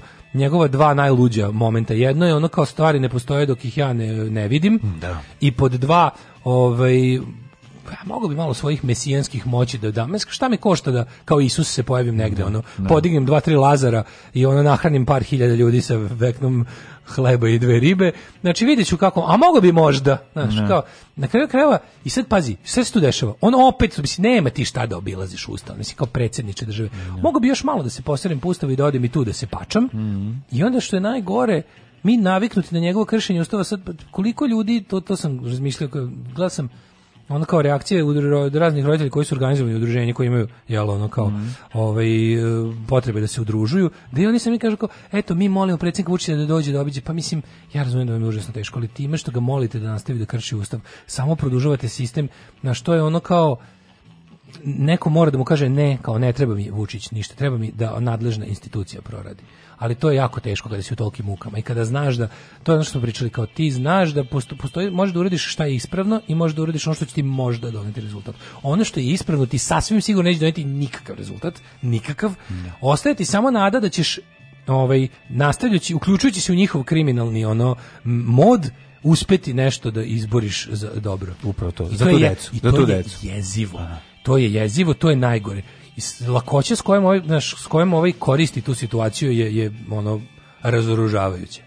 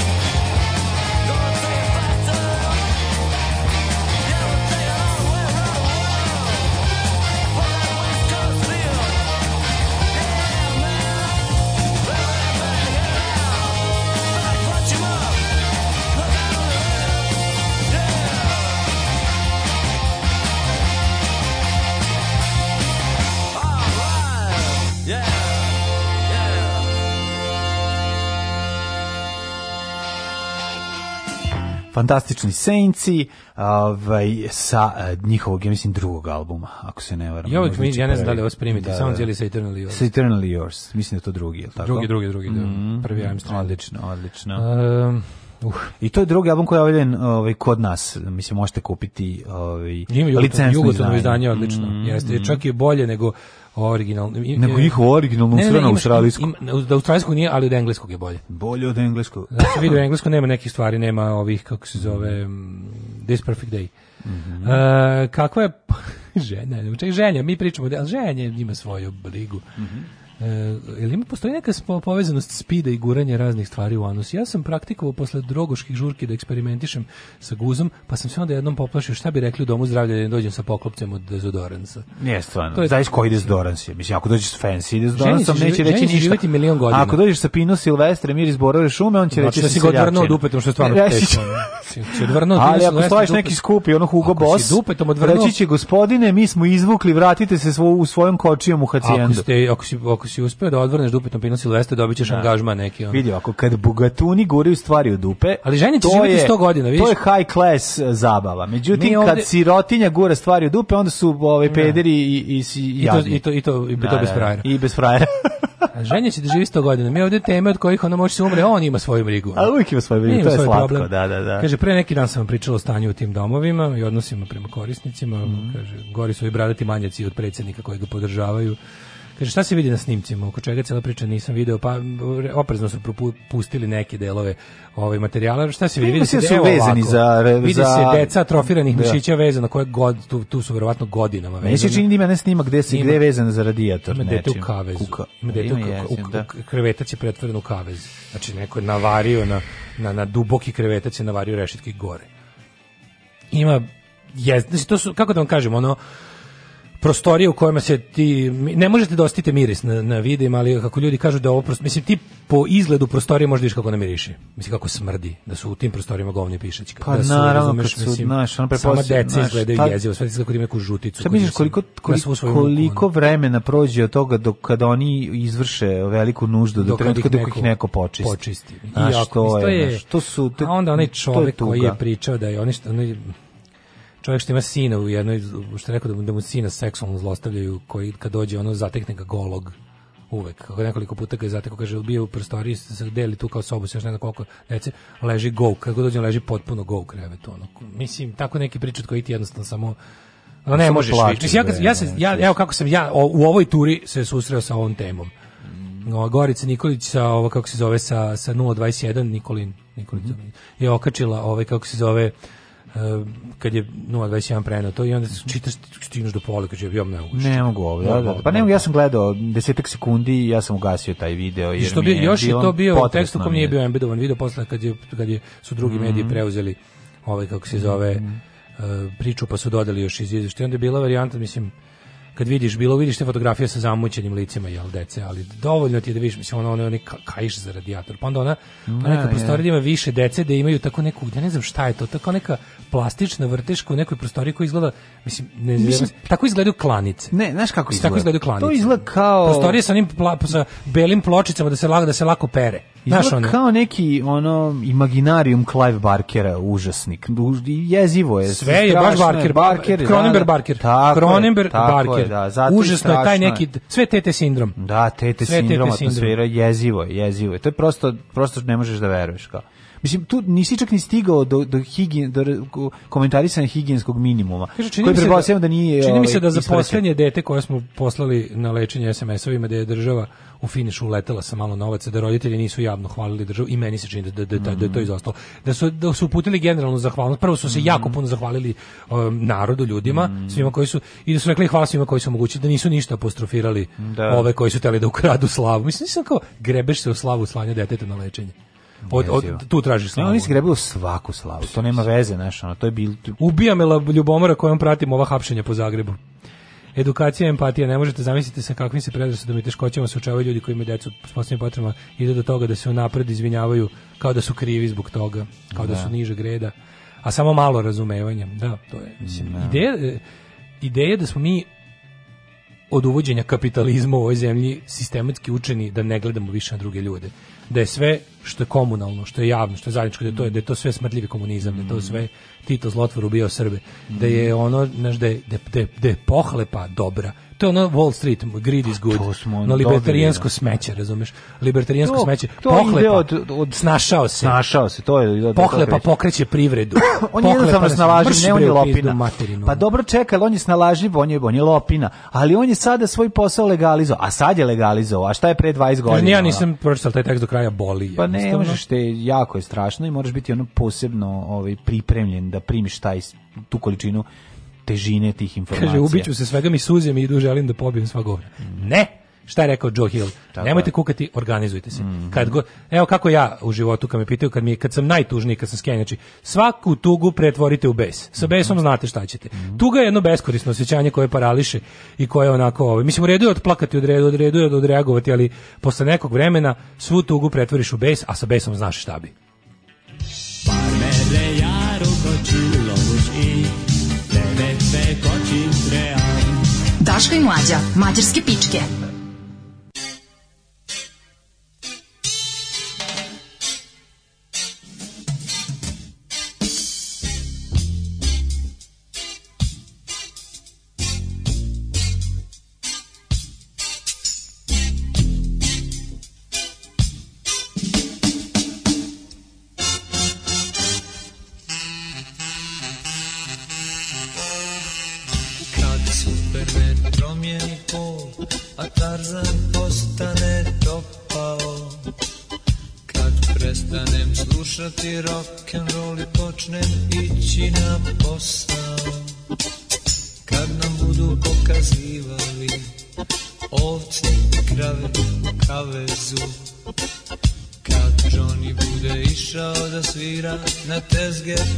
Sovjetskom savezu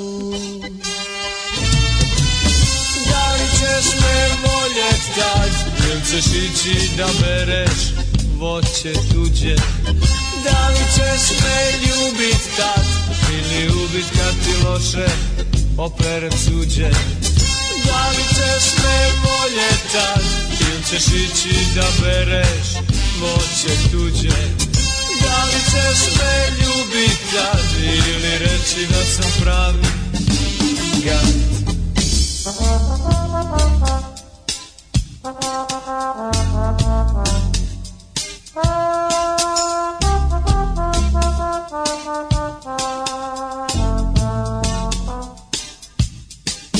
Kad budem imao višak Samo u kilaru prazninu duši Čir stomako stomaku i golfa u garaži Kad sličice vlasnika kafića Budu sakupljala djeca Kad velika četvorka budu hajdu Zvezda, Partizan i Trepčan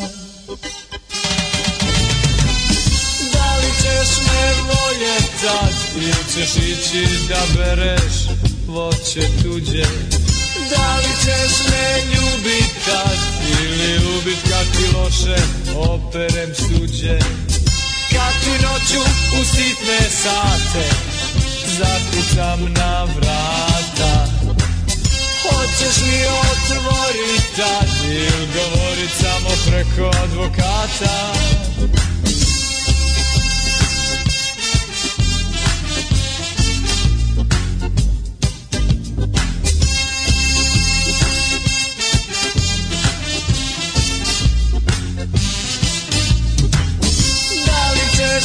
bolje sad da Ili ćeš ići da bereš voće tuđe Da li ćeš me ljubit tad Ili ubit kad ti loše operem suđe Kad noću u sitne sate Zakucam na vrata Hoćeš li otvorit tad Ili udovorit samo preko advokata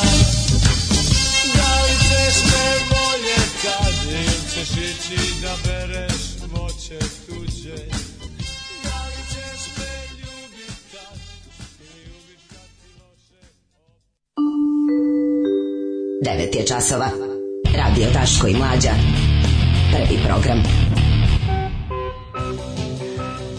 9 sati i 10 minuta, bomba štampa ovaj, i džuro, o, a mi u trećem satu, u trećem satu, hej, čitamo poruke i najavljamo. Država daje institucijama, socijalni radnici spakuju što više dece. Predloženo rješenje da se da para ljudima koji bi van institucija brinuli o njima ili da se porodicama, znaš što u velikoj meri, kad smo pričali o razlozima zašto roditelji napu, ostave svoje dete u instituciji, prvo nisu tu sva deca napuštena svi, zajedničkom i svima, samo da su o, imaju smetnju razvoju, a um, neke tu deca imaju roditelji koji posećuju, neki manje više koliko ono kao mm -hmm. naš, mhm. kako može a ima i potpuno napuštene dece, ali fora što ovi koji recimo neki od tih ovi ljudi su se na to odlučili jer im je jednostavno ono kao ne mogu da organizuju život, imaju možda još dece koje, kojima se treba brinuti.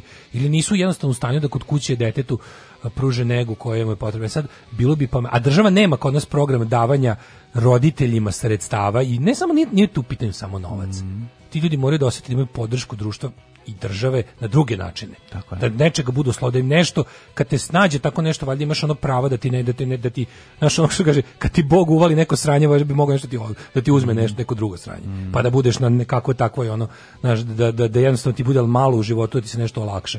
E, to bi bilo, to bi bilo rešenje, predloženo je rješenje da se ovaj e, pare daju ljudima koji bi van institucije brinuli njima. Možemo li mi kao narod da se organizujemo? Mi kao narod jedini možemo da se organizujemo ovo što smo malo pre rekli, kad nam je najteže kada kukamo ljudi, ljudi mogu sve kad se organizuju, dogovore da i rade zajedno. To je jednostavno tako. Kada postoji, ne postoji to šta ljudi ne mogu ako žele da nađu neko rješenje. I pošto znamo da mi ovde ratujemo s državom, naša država je neprijatelj naše zemlje. Naša država je neprijatelj našeg naroda. Znači što manje ove, što manje ova država uspe da sprovede svoje planove, to ovde narod bolje živi. I pošto već živimo u ratu sa državom, onda tako moramo i da se ponašamo. Jednostavno ne možemo nemamo ništa od toga da, da čekamo da država duradi da nešto. Mm, da. To smo naučili da nema nikakvog smisla, tako da ostaje samo ovo. Za početak, svi vi imate nekog u svojoj okolini, komšiluku, u rodbini, među prijateljima, znate nekog sa ovakvim problemom, jednostavno pokušajte u svakom trenutku da razumete tu osobu. Kad ste najnadardaniji, kad vam je najteži dan, kada treba vi nešto svoje da uradite, a on znači Ja znam da to ljudi koji ljudi koji nas slušaju njima to ne treba govoriti. Ma, naravno, ali vi dalje govorite ljudima. Da, razumeš da. jednostavno to je jedna stvar koja mora se širi kao evanđelje. Šalji dalje ne vraći. Kao širite to kao veru, ono da. širite, o govorite ostalim ljudima da ono i reagujte, reagujte na svaku nepravdu uvek. To to to uvek treba raditi, a ne kalkulisati. U narednom satu, u narednom satu hej ćemo da obradimo nekoliko toplih letnjih tema pošto je pijetak i e, završavamo radnu nedjelju, pa ćemo da vidimo ko su najgori turisti ovaj, u današnjoj ovaj, listu Nova, e, današnje izdanje koje sam uspeo da dograbim, verovali ne, ceo Kragujevac E, čita jedan list, jedan primjerak i razmenjuju se ljudi. Evo mi smo uspeli da uhvatimo jutros ko su najgori turisti, ma da malo borba protiv stereotipa ili da li ima neki istine u tim stereotipima, to ćemo sada da vidimo. Pa fora sa stereotipima što ima dosta istine. Pa njima. ima, da, njima. A ima Ali jedno, nisu cijela istina, ja ne mogu se tako jednu temu koja će za tebe meni biti uvek nam je zanimljiva. Čini mi se dale da ne moramo ti ja da brinimo. Eternal students. Tako je, cile studenti i ove godine ne moraju da brinimo. Još godinu dana imaju šanse da završe svojih 18 predmeta koji nisu svakako da. Da. najlepša poruka koja je danas stigla glasi. Dok sam bila trudna, stalno sam slušala podcaste i beba naučila na vaše glasove. Mm -hmm. Sad vas slušamo noću, dok dojim, spasce za mene. Obožavam vas. Daško, znaš koliki su mi sise, obožavateljke iz Dubaja. ja sam čuo da su sise u Dubaju još veće. Čuti bre, sad, sad ću da idem da, da u MTS da tražim da mi napravi da može MMS ovde da se primi. Ajde, odmah. Mogu tekstom, mislim, lepa. Ako, ako ne može slika, bar ih još malo opiši rečima. Daj nam teksta, daj, daj nam teksta. Najbolji jugoslovenski jutarnji program svih vremena. Alarm sa mlađom i Daškom.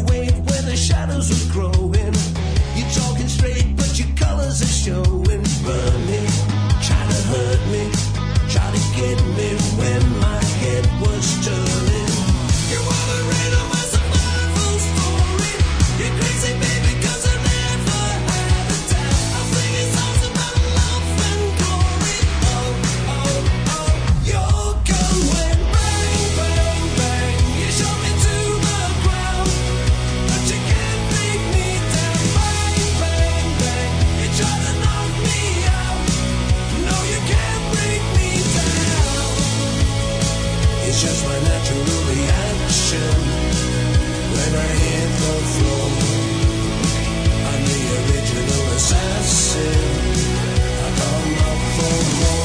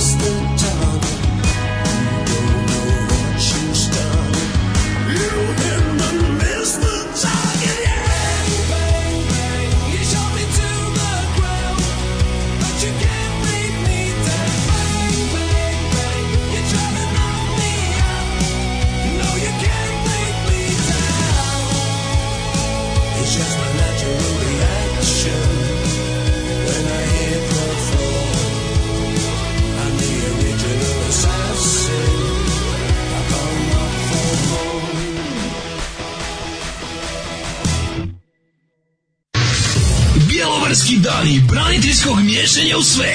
Najveći obiteljski festival digniteta dragovoljačkih udruga domovinske zahvalnosti.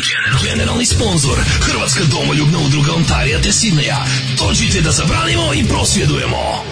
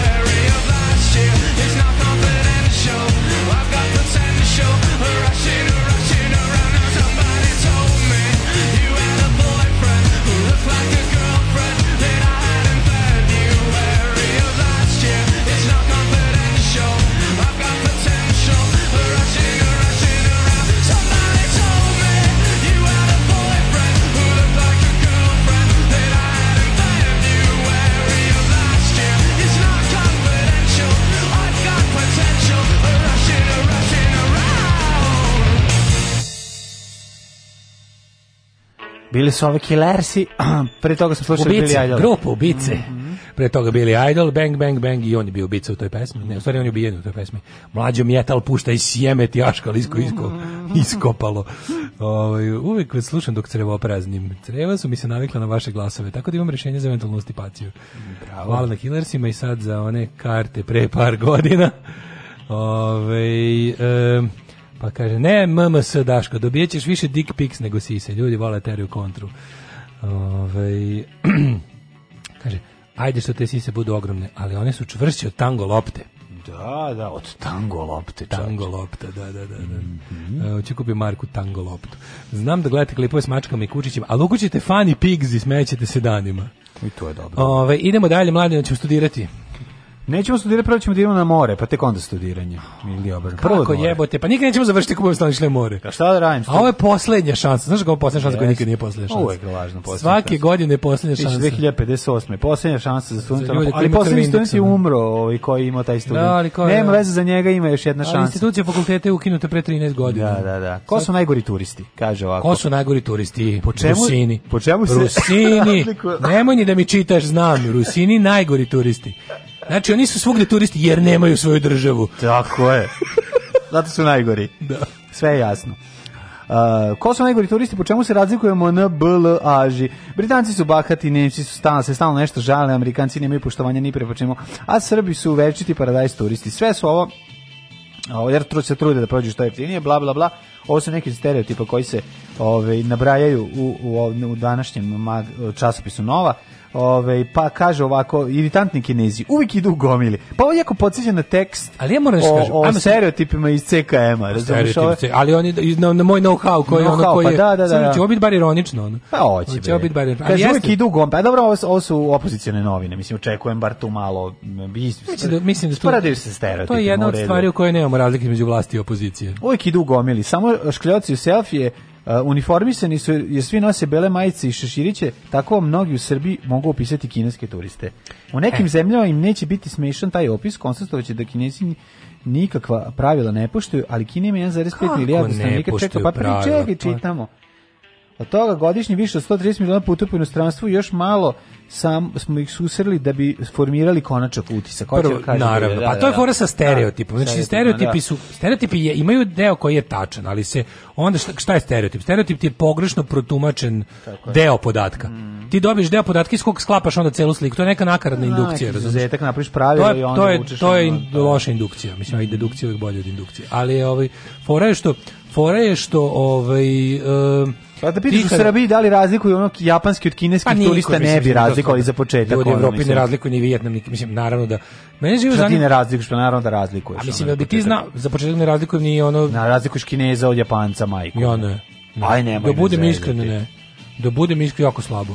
Znači ono, pogledaj, pa znaš šta je fora? Ja, da? šta si gledao od filmova u mladosti, majko moja? Ako si gledao Shaolin filmove, ako si gledao Devet smrti ninja, pa valjda ćeš napraviti razliku. Pa možda, znaš, kao, nisam, nemam, nemam, nemam, dovoljno velik uzorak da bi ono, znaš, jednostavno... Znači, nisi pratio žene Japanke? ne, nisam pratio žene, ne znam, ja ne, priznam, ne znam. Dobro, okej, okay, nije ni važno, zato što ja... Zato... A čekaj, evo, ja sam beli čovjek iz Evrope, pa ne, razli, ne, ne mislim da mogu na oko da prepoznam, da sam sigurno da znam koji iz Belgije, koji iz Švedske, mislim, ne znam, ja bih. Pa dobro, Osim ako ne naletim na užasno tipičan primjerak svog. Dobro, to je drugo, Belgijanac. Da, se da iskoristim, da marksističkom terminologijom podrasnog tipa. Da, ali da. mislim, baš kao to je drugo. Pa drugo je ne, i... meni je jasna mislim, Laos i Vijetnam su isto. A dobro, a to ću ti kažem, Laos, Vijetnam, pa ono, Kambodža...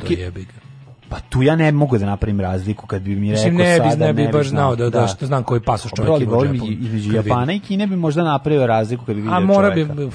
Mislim, ne možda, nego bi napravio. Mislim, pre bih, pre, ono kao kad, su, kad sam ih, ono kao klinac, kad, sam, kad sam ih ono jel viđali u manjim brojevima ovde, onda bi, uglavnom bi po u odevanju, znao, Japanci su malo izgledali zapadnije od Kineza u, ovaj, u, u, u odeće i stil. Pa mislim imali su bolje fotoaparate. Imali su bolje znači, fotoaparate. Znači, a i kinezi ne Ali sad to više nije tako. Sad to više nije skoro. Hoću ti da kažem, pričamo, kinezima je, pa zato što nemamo uz, uzorak je mali za sada. Uskoro potpuno. Znači ti si ti da. do pre recimo 10 15 godina. Imao si japanski i koreanske turiste. Nisi imao ranije. I nisi mogao da vidiš kineski da. turiste, nisi imao zemlja bila potpuno hermetički zatvorena. I onda od kad je e, ono znaš, liberalizam. Samsung da fotografiše, znaš da je iz Koreje, kad izvedi Sony onda. Kad izvedi Sony, Nikon ili Canon, da. vidiš da je znaš da je Japan ali je fora bila da ovaj danas kada kao Kina, mislim i dalje Kina je ogromna i ti ljudi koji putuju to su izuzetno bogati ljudi. Pa kako ne? Znači ljudi koji dolaze u Evropu to su u Kini. Znači, svi stereotipi padaju u vodu. To je u Kine, to je u, Kini, u Kini elita. Da, da, znači da. to je oni koji mogu da se domognu turizma evropskog, to je stvarno to je to tamo može 0, ono pa, da. ljudi. I to je fora što onda ti I formaš... dalje taj broj je ogroman. Reći I da- dalje je taj broj je ogroman, 0,5% je puno. Da Kinezi se ponašaju bahato i ne puštuju pravila kao turisti, je, mislim, kučije to iskustvo.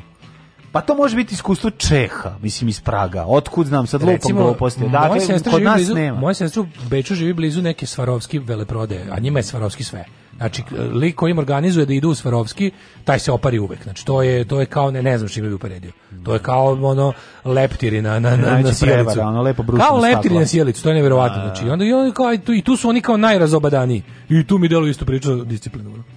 Ma naravno, bre, pa ne, bre. Taj... Ok, znam da, ono, znam da bogati ljudi u, svojim zemlji, u svojim zemljama su i ono isključeni od mnogih pravila koje ostatak naroda mora da poštuje, ali to baš mi nekako, čak, ni, čak, ako čak i ako je stereotip, nisam ga ovaj, primetio.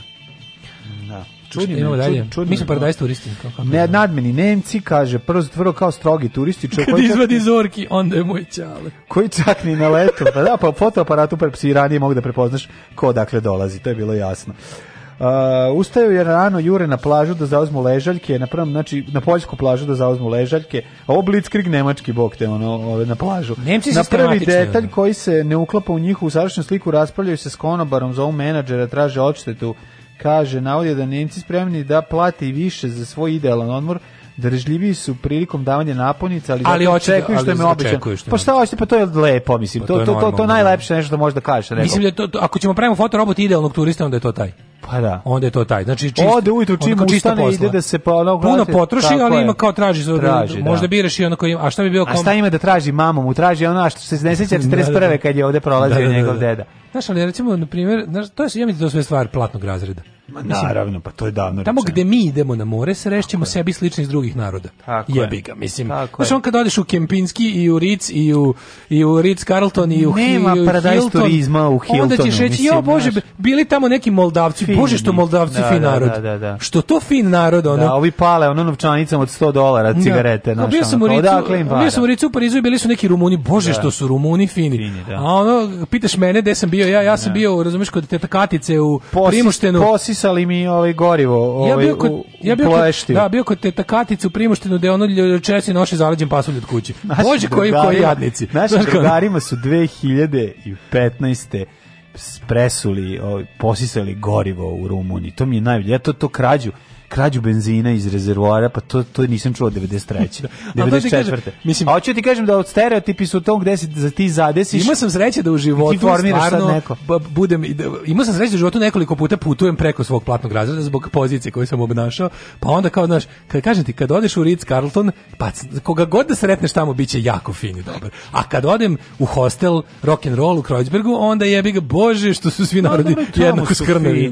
Pa znam, ali druga priča potpuno. Kažem ti, kad vidiš, da. kad sretneš Čeha u Ricu, mm. to je jedan drugi Čeh od onog kog, sre, kog sretneš kod tetka Katice u Primoštenu, koji ono dva dana izloči samo ta prver zaleđen iz gepeka i žena ne ide na plažu, nego kuva pasve za sine i muža, Koji ga uče plive, viče radi nogički, a dobro, ćemo ti, znaš, ti znaš da su oni e, zapravo, se mislim, vratim pun najveći strah e, modernih hrvatske turističke države za tako je sam, samohrani čekom, koji sam sebe hrani. Da, da. koji sam sebe hrani, naravno. Ovaj bahati Britanci, kad čujete da neko iz vaših hotela skako s balkona u bazen i slično, znači stan. Pa mislim e, Britanci jesu, o, Britanci jesu u smislu Britanci su se potrudili da dobiju tu reputaciju Da, nije, da, nije da, da. Zato što oni kreću svoje navijaštvo od kuće, znaš, ono, to je to. Oni imaju tu foru da recimo e, pokušavaju da ono kao znači, taj pola krfa su tamo zauzeli skrnave do jaja, imaju one neka mesta. Kao da, kao da neki pritisak, zato što to, to je tabloidno tretirano, da, što da, smo pričali. Ja prvo moram to je postaviti ono... pitanje, koji čovek ode na 10 dana negde van Engleske i kad dođe prvo naruči ono kao engleski doručak. Pa ja ti gari on 360 dana godišnje gruvaš engleski doručak ono. Pa što ne, ono sad si na moru. Pa to što ne znaš grčki arrogantno doručak? ponašanje. Pa je, to je ono, to je besmisleno. Ali i tu imaš platne razrede. Ali istina, istina je da se ta... Da Mislim, se... nešto otići u New York tražiti sarmu majkom. Da, glupo je. Mislim, glupo da- mada u New Yorku jeste najbolje sarma. Ali je ono, znaš kada to, kako na more, pa jeste sve najbolje. I burek je najbolji, sve najbolji, znači, ćevapi su da. najbolji u New Yorku. Ali ajde da odeš ne znam, ono, ako si otišao na, što ti kažeš, odiš da u... Sarajevski u Njurku najbolji. Na Korčulu, ono, pa pojedi ono jedan pipak hobotnice, makar kad ti se pravio, probaj. Da. da. Ali fora što naš Englezi kao to ti je ono nas nasleđe tog e, tabloidnog njihovog još iz 80-ih i 90-ih to kao tipa our boys abroad kao pa taj neki perverzni ponos u vezi toga što britanski huligani zauzmu ceo trg i ono okače engleske zastave, to je naša stara osvajačka tradicija ne. koju danas eto kroz fudbal i kroz i onda, kao, znaš, i onda i onda to, to je to je toliko jadno, znači. Kažete odlična pesma Billy breg The Few, obožavam mm. tu stvar, tu je sve objašnjeno. Nekulturni Amerikanci, uh, ka, Amerikanci se kad putuju stalno u brizi imaju spisak stvari koje žele da vide. Što, kako me? Krije, pa dobro, su stereotipi. Ali, ali to nije, koji nekulturni Amerikanci su užasno fini, da, abroad. Da. Mislim, izvini, baš su onako nekako eh, na silu fini, jebote. Pa dobro, da. Ja ne znam, ja, ja, ja recimo Britance ja zamišljam kao jednu silu fine, više. O ne, oni su silu skrnavi. Ali ja se ne ispata, ti moj, kažeš. Moj, aj sad kao moj stereotipi koje sam da, ja, koje bi da, ja širio da. dalje iz svog iskustva tu po Google. Ali kažem, zavisi opet gde se nađeš. Britanci, Ako se nađeš na moru sa Britancima... Ne, Britanci u fazonu kao pio sam dva dana, moram i treći, moram nekom da. nešto da dokažem. Da, da, da. da Znaš da. kao, da moram, ja ga blato i on sednem u njega. Zašto u fazonu kao sad sam na odmoru, moram sva, sve, sve stege društva da, ovaj, da, razvalimo. Da, Amerikanci, ja mislim da su u fazonu, pošto oni kao imaju neku vrstu obaveze, pošto jako malo Amerikanci zapravo putuje putuju da. odnosno. Da. Znaš, mi se kažemo Kina bila zatvorena, ne znam, drže nekako, mislim, daj bre, ono 70% Amerikanca nema pasoš. E, šta ćemo s mrzovoljnim Rusima? Tu smo isti kao i oni. Mrzovoljni Rusi. Ja se sećam kad sam u Češkoj bio pre jedno 15 godina, da nam je, e, da je dole u hostelu, to jest u hotelu, na srpskom i na ruskom pisalo um, da švedski to ne znači da treba praviš sendviče da iznosiš i nosiš se da. ceo dan. Pa to, to mi je onako široka duša slovenska. A e, onda prelazimo sa Rusa naravno za kraj na Srbe. A ne, ali, Ako ste spremni e, da drugim narodima prišite određene etikete, morat se učiti sa onima koji prate Srbe. Da su izmislili paradajz turizam i idu gomilama, stalno vuku ne, neku hranu sa sobom i ostavljaju đubre na plaži. Ajmo sad, ajmo sad da su sirotinje, da samo gledaju na čemu mogu da uštede. Mislim, svi narodi imaju svoju klasu koja To smo, lepo smo to objasnili Da, da, da. U ko tamo platni razred ti menja. Da, to ti je sočivo kroz koje gledaš. To su naučare. Ako staviš naučare, ono paradajz turizma dobićeš paradajzere iz celog sveta. I da, nema da. veze da. da li su da li se zovu Gunnar Svensson da ili Čeh, ili Milenko tako, ili, ili, ili Irži. Znači mm. svi ono su no, nose zavređeno meso na. Da, da, da. Znači tako da to je paradajz turizam je klasa. Ali samo nešto, zapravo ne ajmo da- platni da, ajmo platni znači, razred. Turizam je na ovim prostorima. Turizam je za, govorim za prostor Srbije, Bosne, za turizam ovde masovno ne postoji pre, uh, posle znači pre da smo čitali jedan izveštaj da su da, da Tito terao Srbe gde da idu na more Jeste. puškama. Stvarno bez a ovo bez evancije. Znači, znači bilo kad, ono, kad pročita prave radničke odmarališta. Prvi, prvi susreti s našeg naroda sa ovim morskom obalom i A da tamo nemaju nikakvog posla. Ništa posla. Nego da idu znači, čisto se, to je najgore. Bilo kao ja, ja još uvijek znam roditelje koji ono ovaj uh, bliskih prijatelja masovni kojima je, turizam, kad, kad mlađu, treba masovni... negde da ide, kaže šta da idem tamo na more da sedim. Masovni turizam, to mi je tako je. Da masovni, da izvini, ali masovni turizam je u, u istočnoj, jugoistočnoj Evropi uh, tekovina 60. Socijalizma, da se razumemo.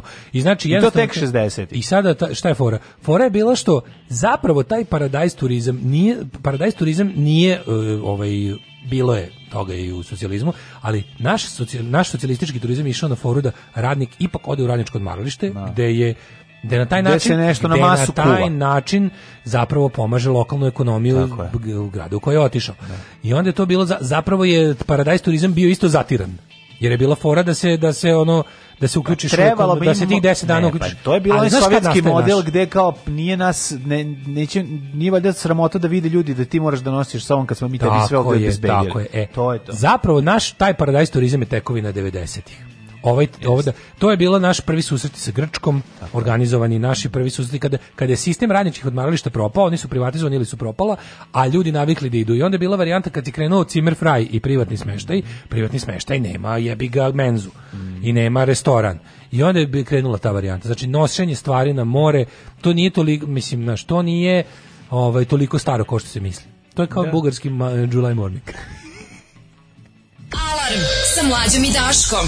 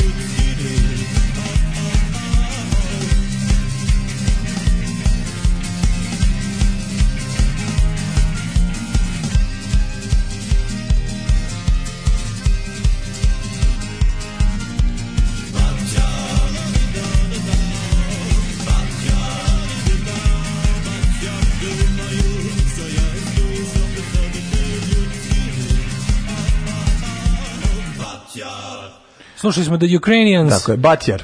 Batjar, to je obrada ovaj, mm -hmm. Big Mouth Strikes Again od Tako Smica. Je. Inače, Ukrainians, to je projekat ovaj, um, ovih iz Wedding Present, mm -hmm. kako se ne mogu se nikako zove čovjek. Kad se, ja mislim, se on ženio Ukrajinkom, pa je sa brakom primio i ljubav prema ukrajinskoj muzici. I Ukrainians imaju nekoliko albuma, mm -hmm. možete poslušati interesantno. A inače, Wedding Present je jedan od mojih omiljenih bendova, genijalni su. Ove, ovaj, ajde malo poruke, pa pre nego što skočimo u TGT se pre 15 godina Kina nije bila hermetički zatvorena, nego su bili ekstremno beda, u poslednjih 15 godina srednja klasa porasla i sve više ljudima novca da pljuje. Super je slušati zapadnog čovjeka kako zna svašta o Kini o, i o jadu i čemeru života u Kini.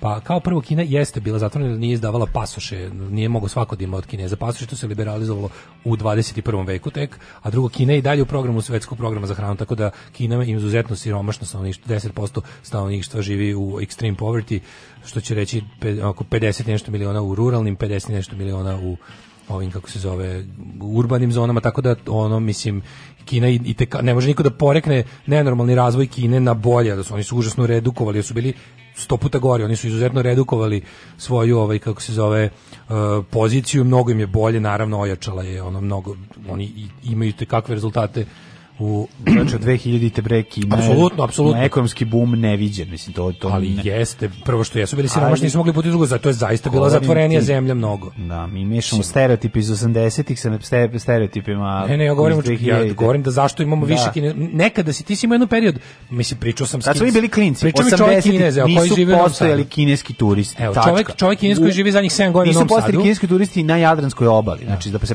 da precizno kažem na šta mislim on kaže njegov prošao jadransku Jadransku obalu, jel da, od ono severa Hrvatske do Crne Gore, znači bili i da, da. kao klinci smo išli mi tada nismo bili uopšte turiste iz Azije. Da. Videli smo samo Naravno. Nemce, Česi tada nisu mogli da priušte sebi more. Kad, znači, kad smo bili klinci, bili su Nemci i Italijani koji su dolazili u Hrvatsku primjer. A e, sad to tako e, je bilo. Kao i Sovjetski da. savez, tako Kina nije izdavala pasoše masovno i bi, to je da. bila pasoš je bio teška privilegija, mislim do skoro. A i dalje, dalje naravno sada liberalni izdaju, izdaju pasoše, ali dalje većina stanovništva ne može da kažem sebi da, da priušti put do Evrope. Od 2000 te se to dosta preo. Pa da naravno da jeste. Milenijumski bube su se stvari. Ne, naravno da jeste, nego ti kažem pričam onom drug Čeda koji kaže kao ti si imao varijantu tamo negde početkom 21. veka Kina je bila u fazonu da je podsticala odlazak ljudi iz zemlje. Mm. I to je bila zvanična politika kao tipa može čak, čak su dobijali neku vrstu jednokratne pomoći da kao da da od ono što, kako su oni to zvali kao kartu u jednom pravcu. Sad to sad, sad to više ne radi. Sad su na kraju krajeva i ukinuli politiku onog jednog deteta. Tako da da, naravno Kina napreduje kako, ali ono i dalje Kažem ti, dalje su u programu sve, dalje su u programu jedinica nacija. imamo politiku pola deteta. Ovaj, ovaj, World Food program i dalje su korisnici, to mislim je, mi nismo. Znači, znaš kao mi nismo, a ja, a ja održim kao izuzetno bednu zemlju. Ove, ovaj, oh. e, ne prijavljuš Land Killers i Springsteen, o da, odlično, je obradili su Killers i sami sebe sa onog Sam Stowna, na, kako zove tamo stvar? Ne znam, Killer se slavo znam. Dustland, e, ne mogu da se, Fairy Tale, tako ja mislim. A sad su je snimili sa malo blago prepravljenim liriksima, mislim da je boss malo prepravio. Imaš ovaj... Nabuđio malo. Killersi sa... Rekao im je, rekao im Springsteen, idite kući promijeniti Ne, ne, dječ. samo nešto malo da bi nešto... Sad, sad stvar zove samo Dustland, pogledaj, znaš kako je dobra. Znači Killers i Bruce Springsteen zajedno. Seča penisa. Mm -hmm. Ove, je li ovaj, e, ovaj krinac isto mrzi roštilj i kenje publici na koncertima? Kako dobro obrada smice. Koji je to jezik? Koji je to? To smo vam rekli. Mm -hmm. Big Mouth je original iritantan, a ovo kao da je Zoli ostao u studiju. Nije tačno. Rumunski turisti su priča za sebe. To kad vidi roštilj i burek počne da balaju da ko, ko alien na sigurni viver. To je gladno još u Čaušeskova. Pa da. Plus što su nevaspitani i uvek pokušavaju preko reda da se ufuraju u pekari, prodavnici i slično. Sreće da nije niko svoj vremenu beležio moje međunarodne incidente. Tadić bi se i dan danas izvinjavao Rumunima, kaže Vlački mlad. E, ovaj, kako se zove, ne smijemo zaboraviti, ovaj, onu, ako se sećaš eh, Rumuna u Španiji koji su uhapšeni, koji su bežali, ždrali, serijsko, serijski žderači u restoranima i bežanije, sećaš? Prepar... Ja, da, u Španiji. U Španiji, Španiji da, to su da, ljudi da, Rumuni, tako da to nekako. Kaže, imaju problem u Kini disproporciju među polovima, jer su bilo je abortusa dok ne dobiju muško dete, sad imaju 10% više muškaraca. Da, to, mislim, taj femicid dece, mislim, to plansko rađenje muškaraca i teranje do muškog, to je, ja, mislim, To nam je poznato. To je takav, ono, to, to mi čak nije ni srednje, to mi je stari vek, jebote, ono. Ne, znam. Uh, ajmo u djecet. Ali uvek smešno kad viš porodicu sa četiri ćerke i neko dobaci, šta mi što će terati do, do, do, do, dečaka. A bilo je, čekaj. A to je ono, E, a ja imam jedan prijatelj. A neko jednostavno sam imao četiri ćerke. Imam tri sina i dečale da tero do ćerke. Tero, tero do ćerke. To je bilo e, tako cool, ono, kao bilo je simpatično.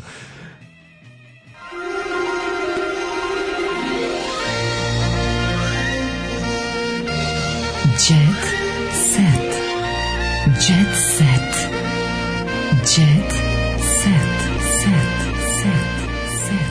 Kaže moja supruga je studirala, završila kineski, bila u Kini i učila jezik s, zajedno s Japancima. Mm -hmm. I ona mi je rekla kako, je, kako zna da ih razlikuje od Kineza, a oni bili u fazonu stvarno, pa ni mi ne možemo to. da. Kaže, baš si car, ni mi ne provaljujemo uvek kojko provali se, ja zbog Shoko Shugija jako dobro znam i da. ono, znači ja sam pratio i japansku ninja scenu i ove, ove komare Shaolina, tako da sam tu... To su dve škole? Pa dve škole, onda sam tu polako ovaj, uspeo da... No, dok recimo sa, kod, kod sa, razlike između Kineza i Koreanaca mi je ipak problematično, tu ne mogu da, da baš pogodim uvek. Al nekako mislimo ono... Čekaj, a i znamo kako se žene Japanke razlikuju, mislim, čuli ste svi. E, tako malo da. krive noge. Pa, malo im krive. Ali cicimice! to je nešto nemoguće. Ide da imamo mi jet Kristijan, ej, brate, Kristijan počinio preljubu u, u realitiju. Brati, žena ga napustila. Či, znači, i sad... kako si rekao, tako, tako promenim tab na, da. na hromu i otvori mi se Kristijan u pidžami koju smo dobili od Tijana. Žena mi je uzela ogroman novac, kaže, kao popišan sam izašao iz kuće. Dakle, Golubović, šta si ti mi, šta si očekivao? Mislim, prvo i prvo kaje se što je prevario ženu, ali ga reality ga poneo. Golubović za kurir priznaje da se video sa Ivanom, ali da njihov susred nije lepo završio, dok je u ljubavnici Kristini Spalević čuo mnoge ružne priče, zbog kojih je siguran da će morati da se iseli iz zemlje. Ček, izvini Gari, aj sad čekaj, molim te.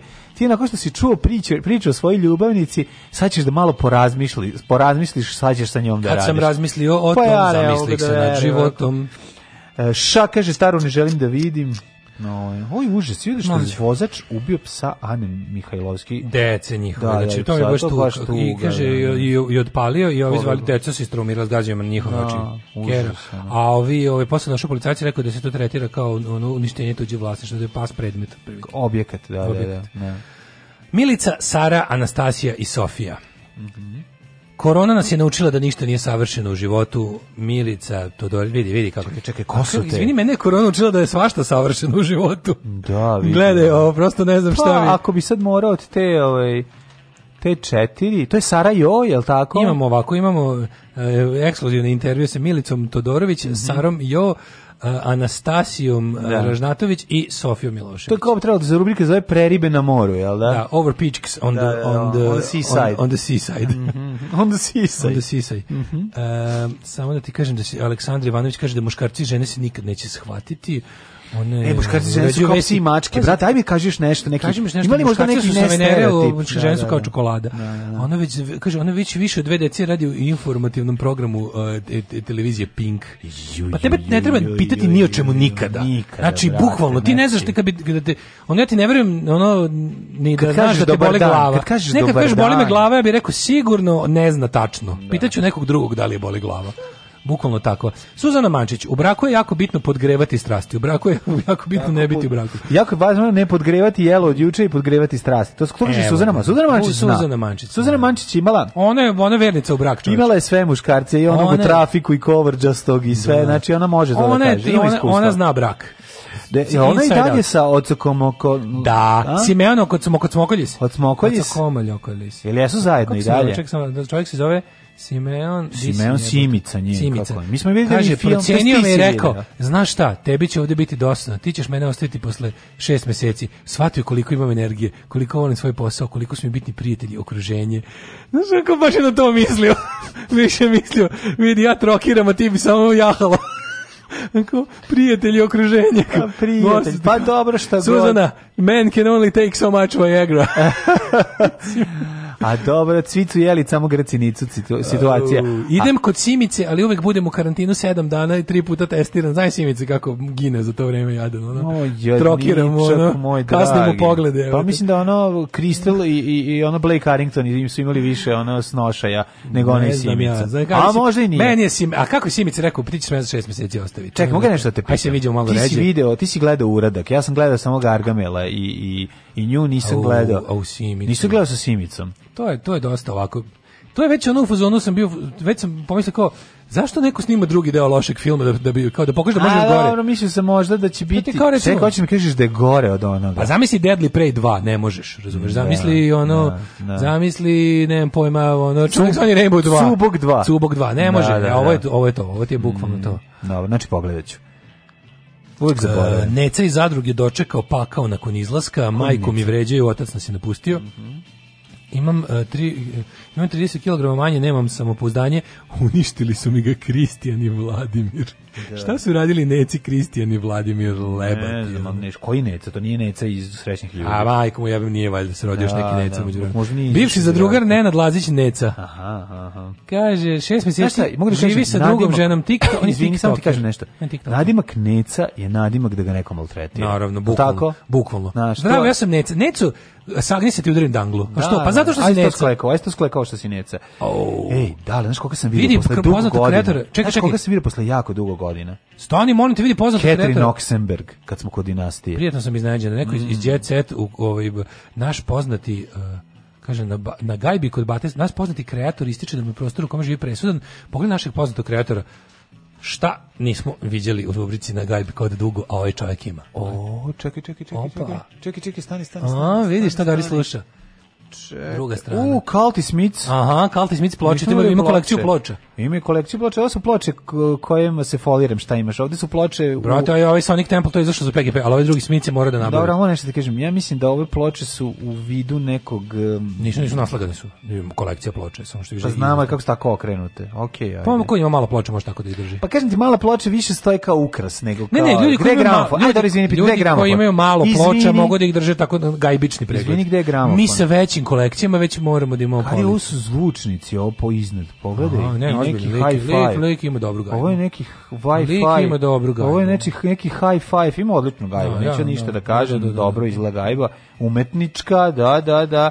Pa dobro poznati, i ploče iz školskih dana. Evo i ploče iz školskih dana, izvinjavam se čoveku, čovek izgleda pravi ploče. Da, da, da, pravi ploče. Zaista pravi ploče. Pravi divno, pločar, dobro je. To je, dakle, Bata Spasojević. Izgleda kao... Dobro mu izgleda ovaj kako Bata Spaskan. No, da, dobro, Inače, stan mu je, stan mu je od ukusa. Ma, izgleda stan moćno. Od, ima, ima, ima kravlju kožu na podu, ako si primetio.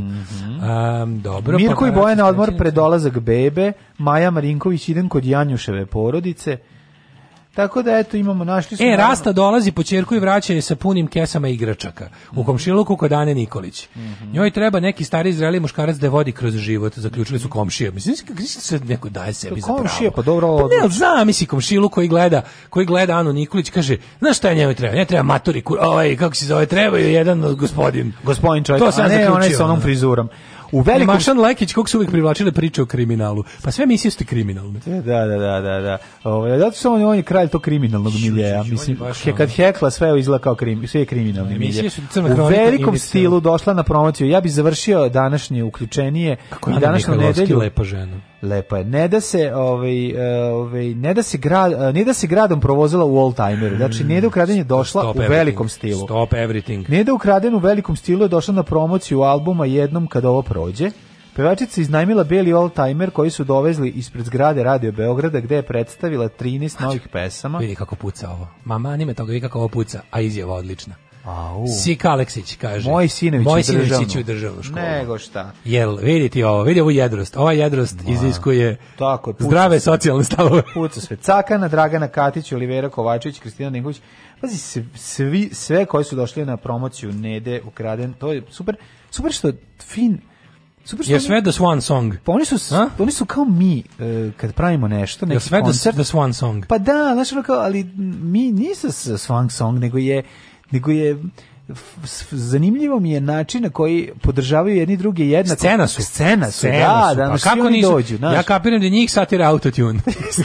nego sad najvažnije što ćemo reći, patreon.com kroz Daško i Mlađa, PayPal, uh, eh, OTP, Xvoban. Mm -hmm. uh, eh, hvala vam što nas podržavate, nastavite, a ja sad idem da uzmem račune iz sandučeta i da ih platim. Ajde, puno vas volimo, uživajte u Od vikendu. Od čujemo se u ponedeljnik. Malo će oladiti, čujemo se, đavo. Đavo. Oh, Tekst čitali Mladin Urdarević mm, i Daško Milinović. Ton majstor Richard Merc. Realizacija Slavko Tatić.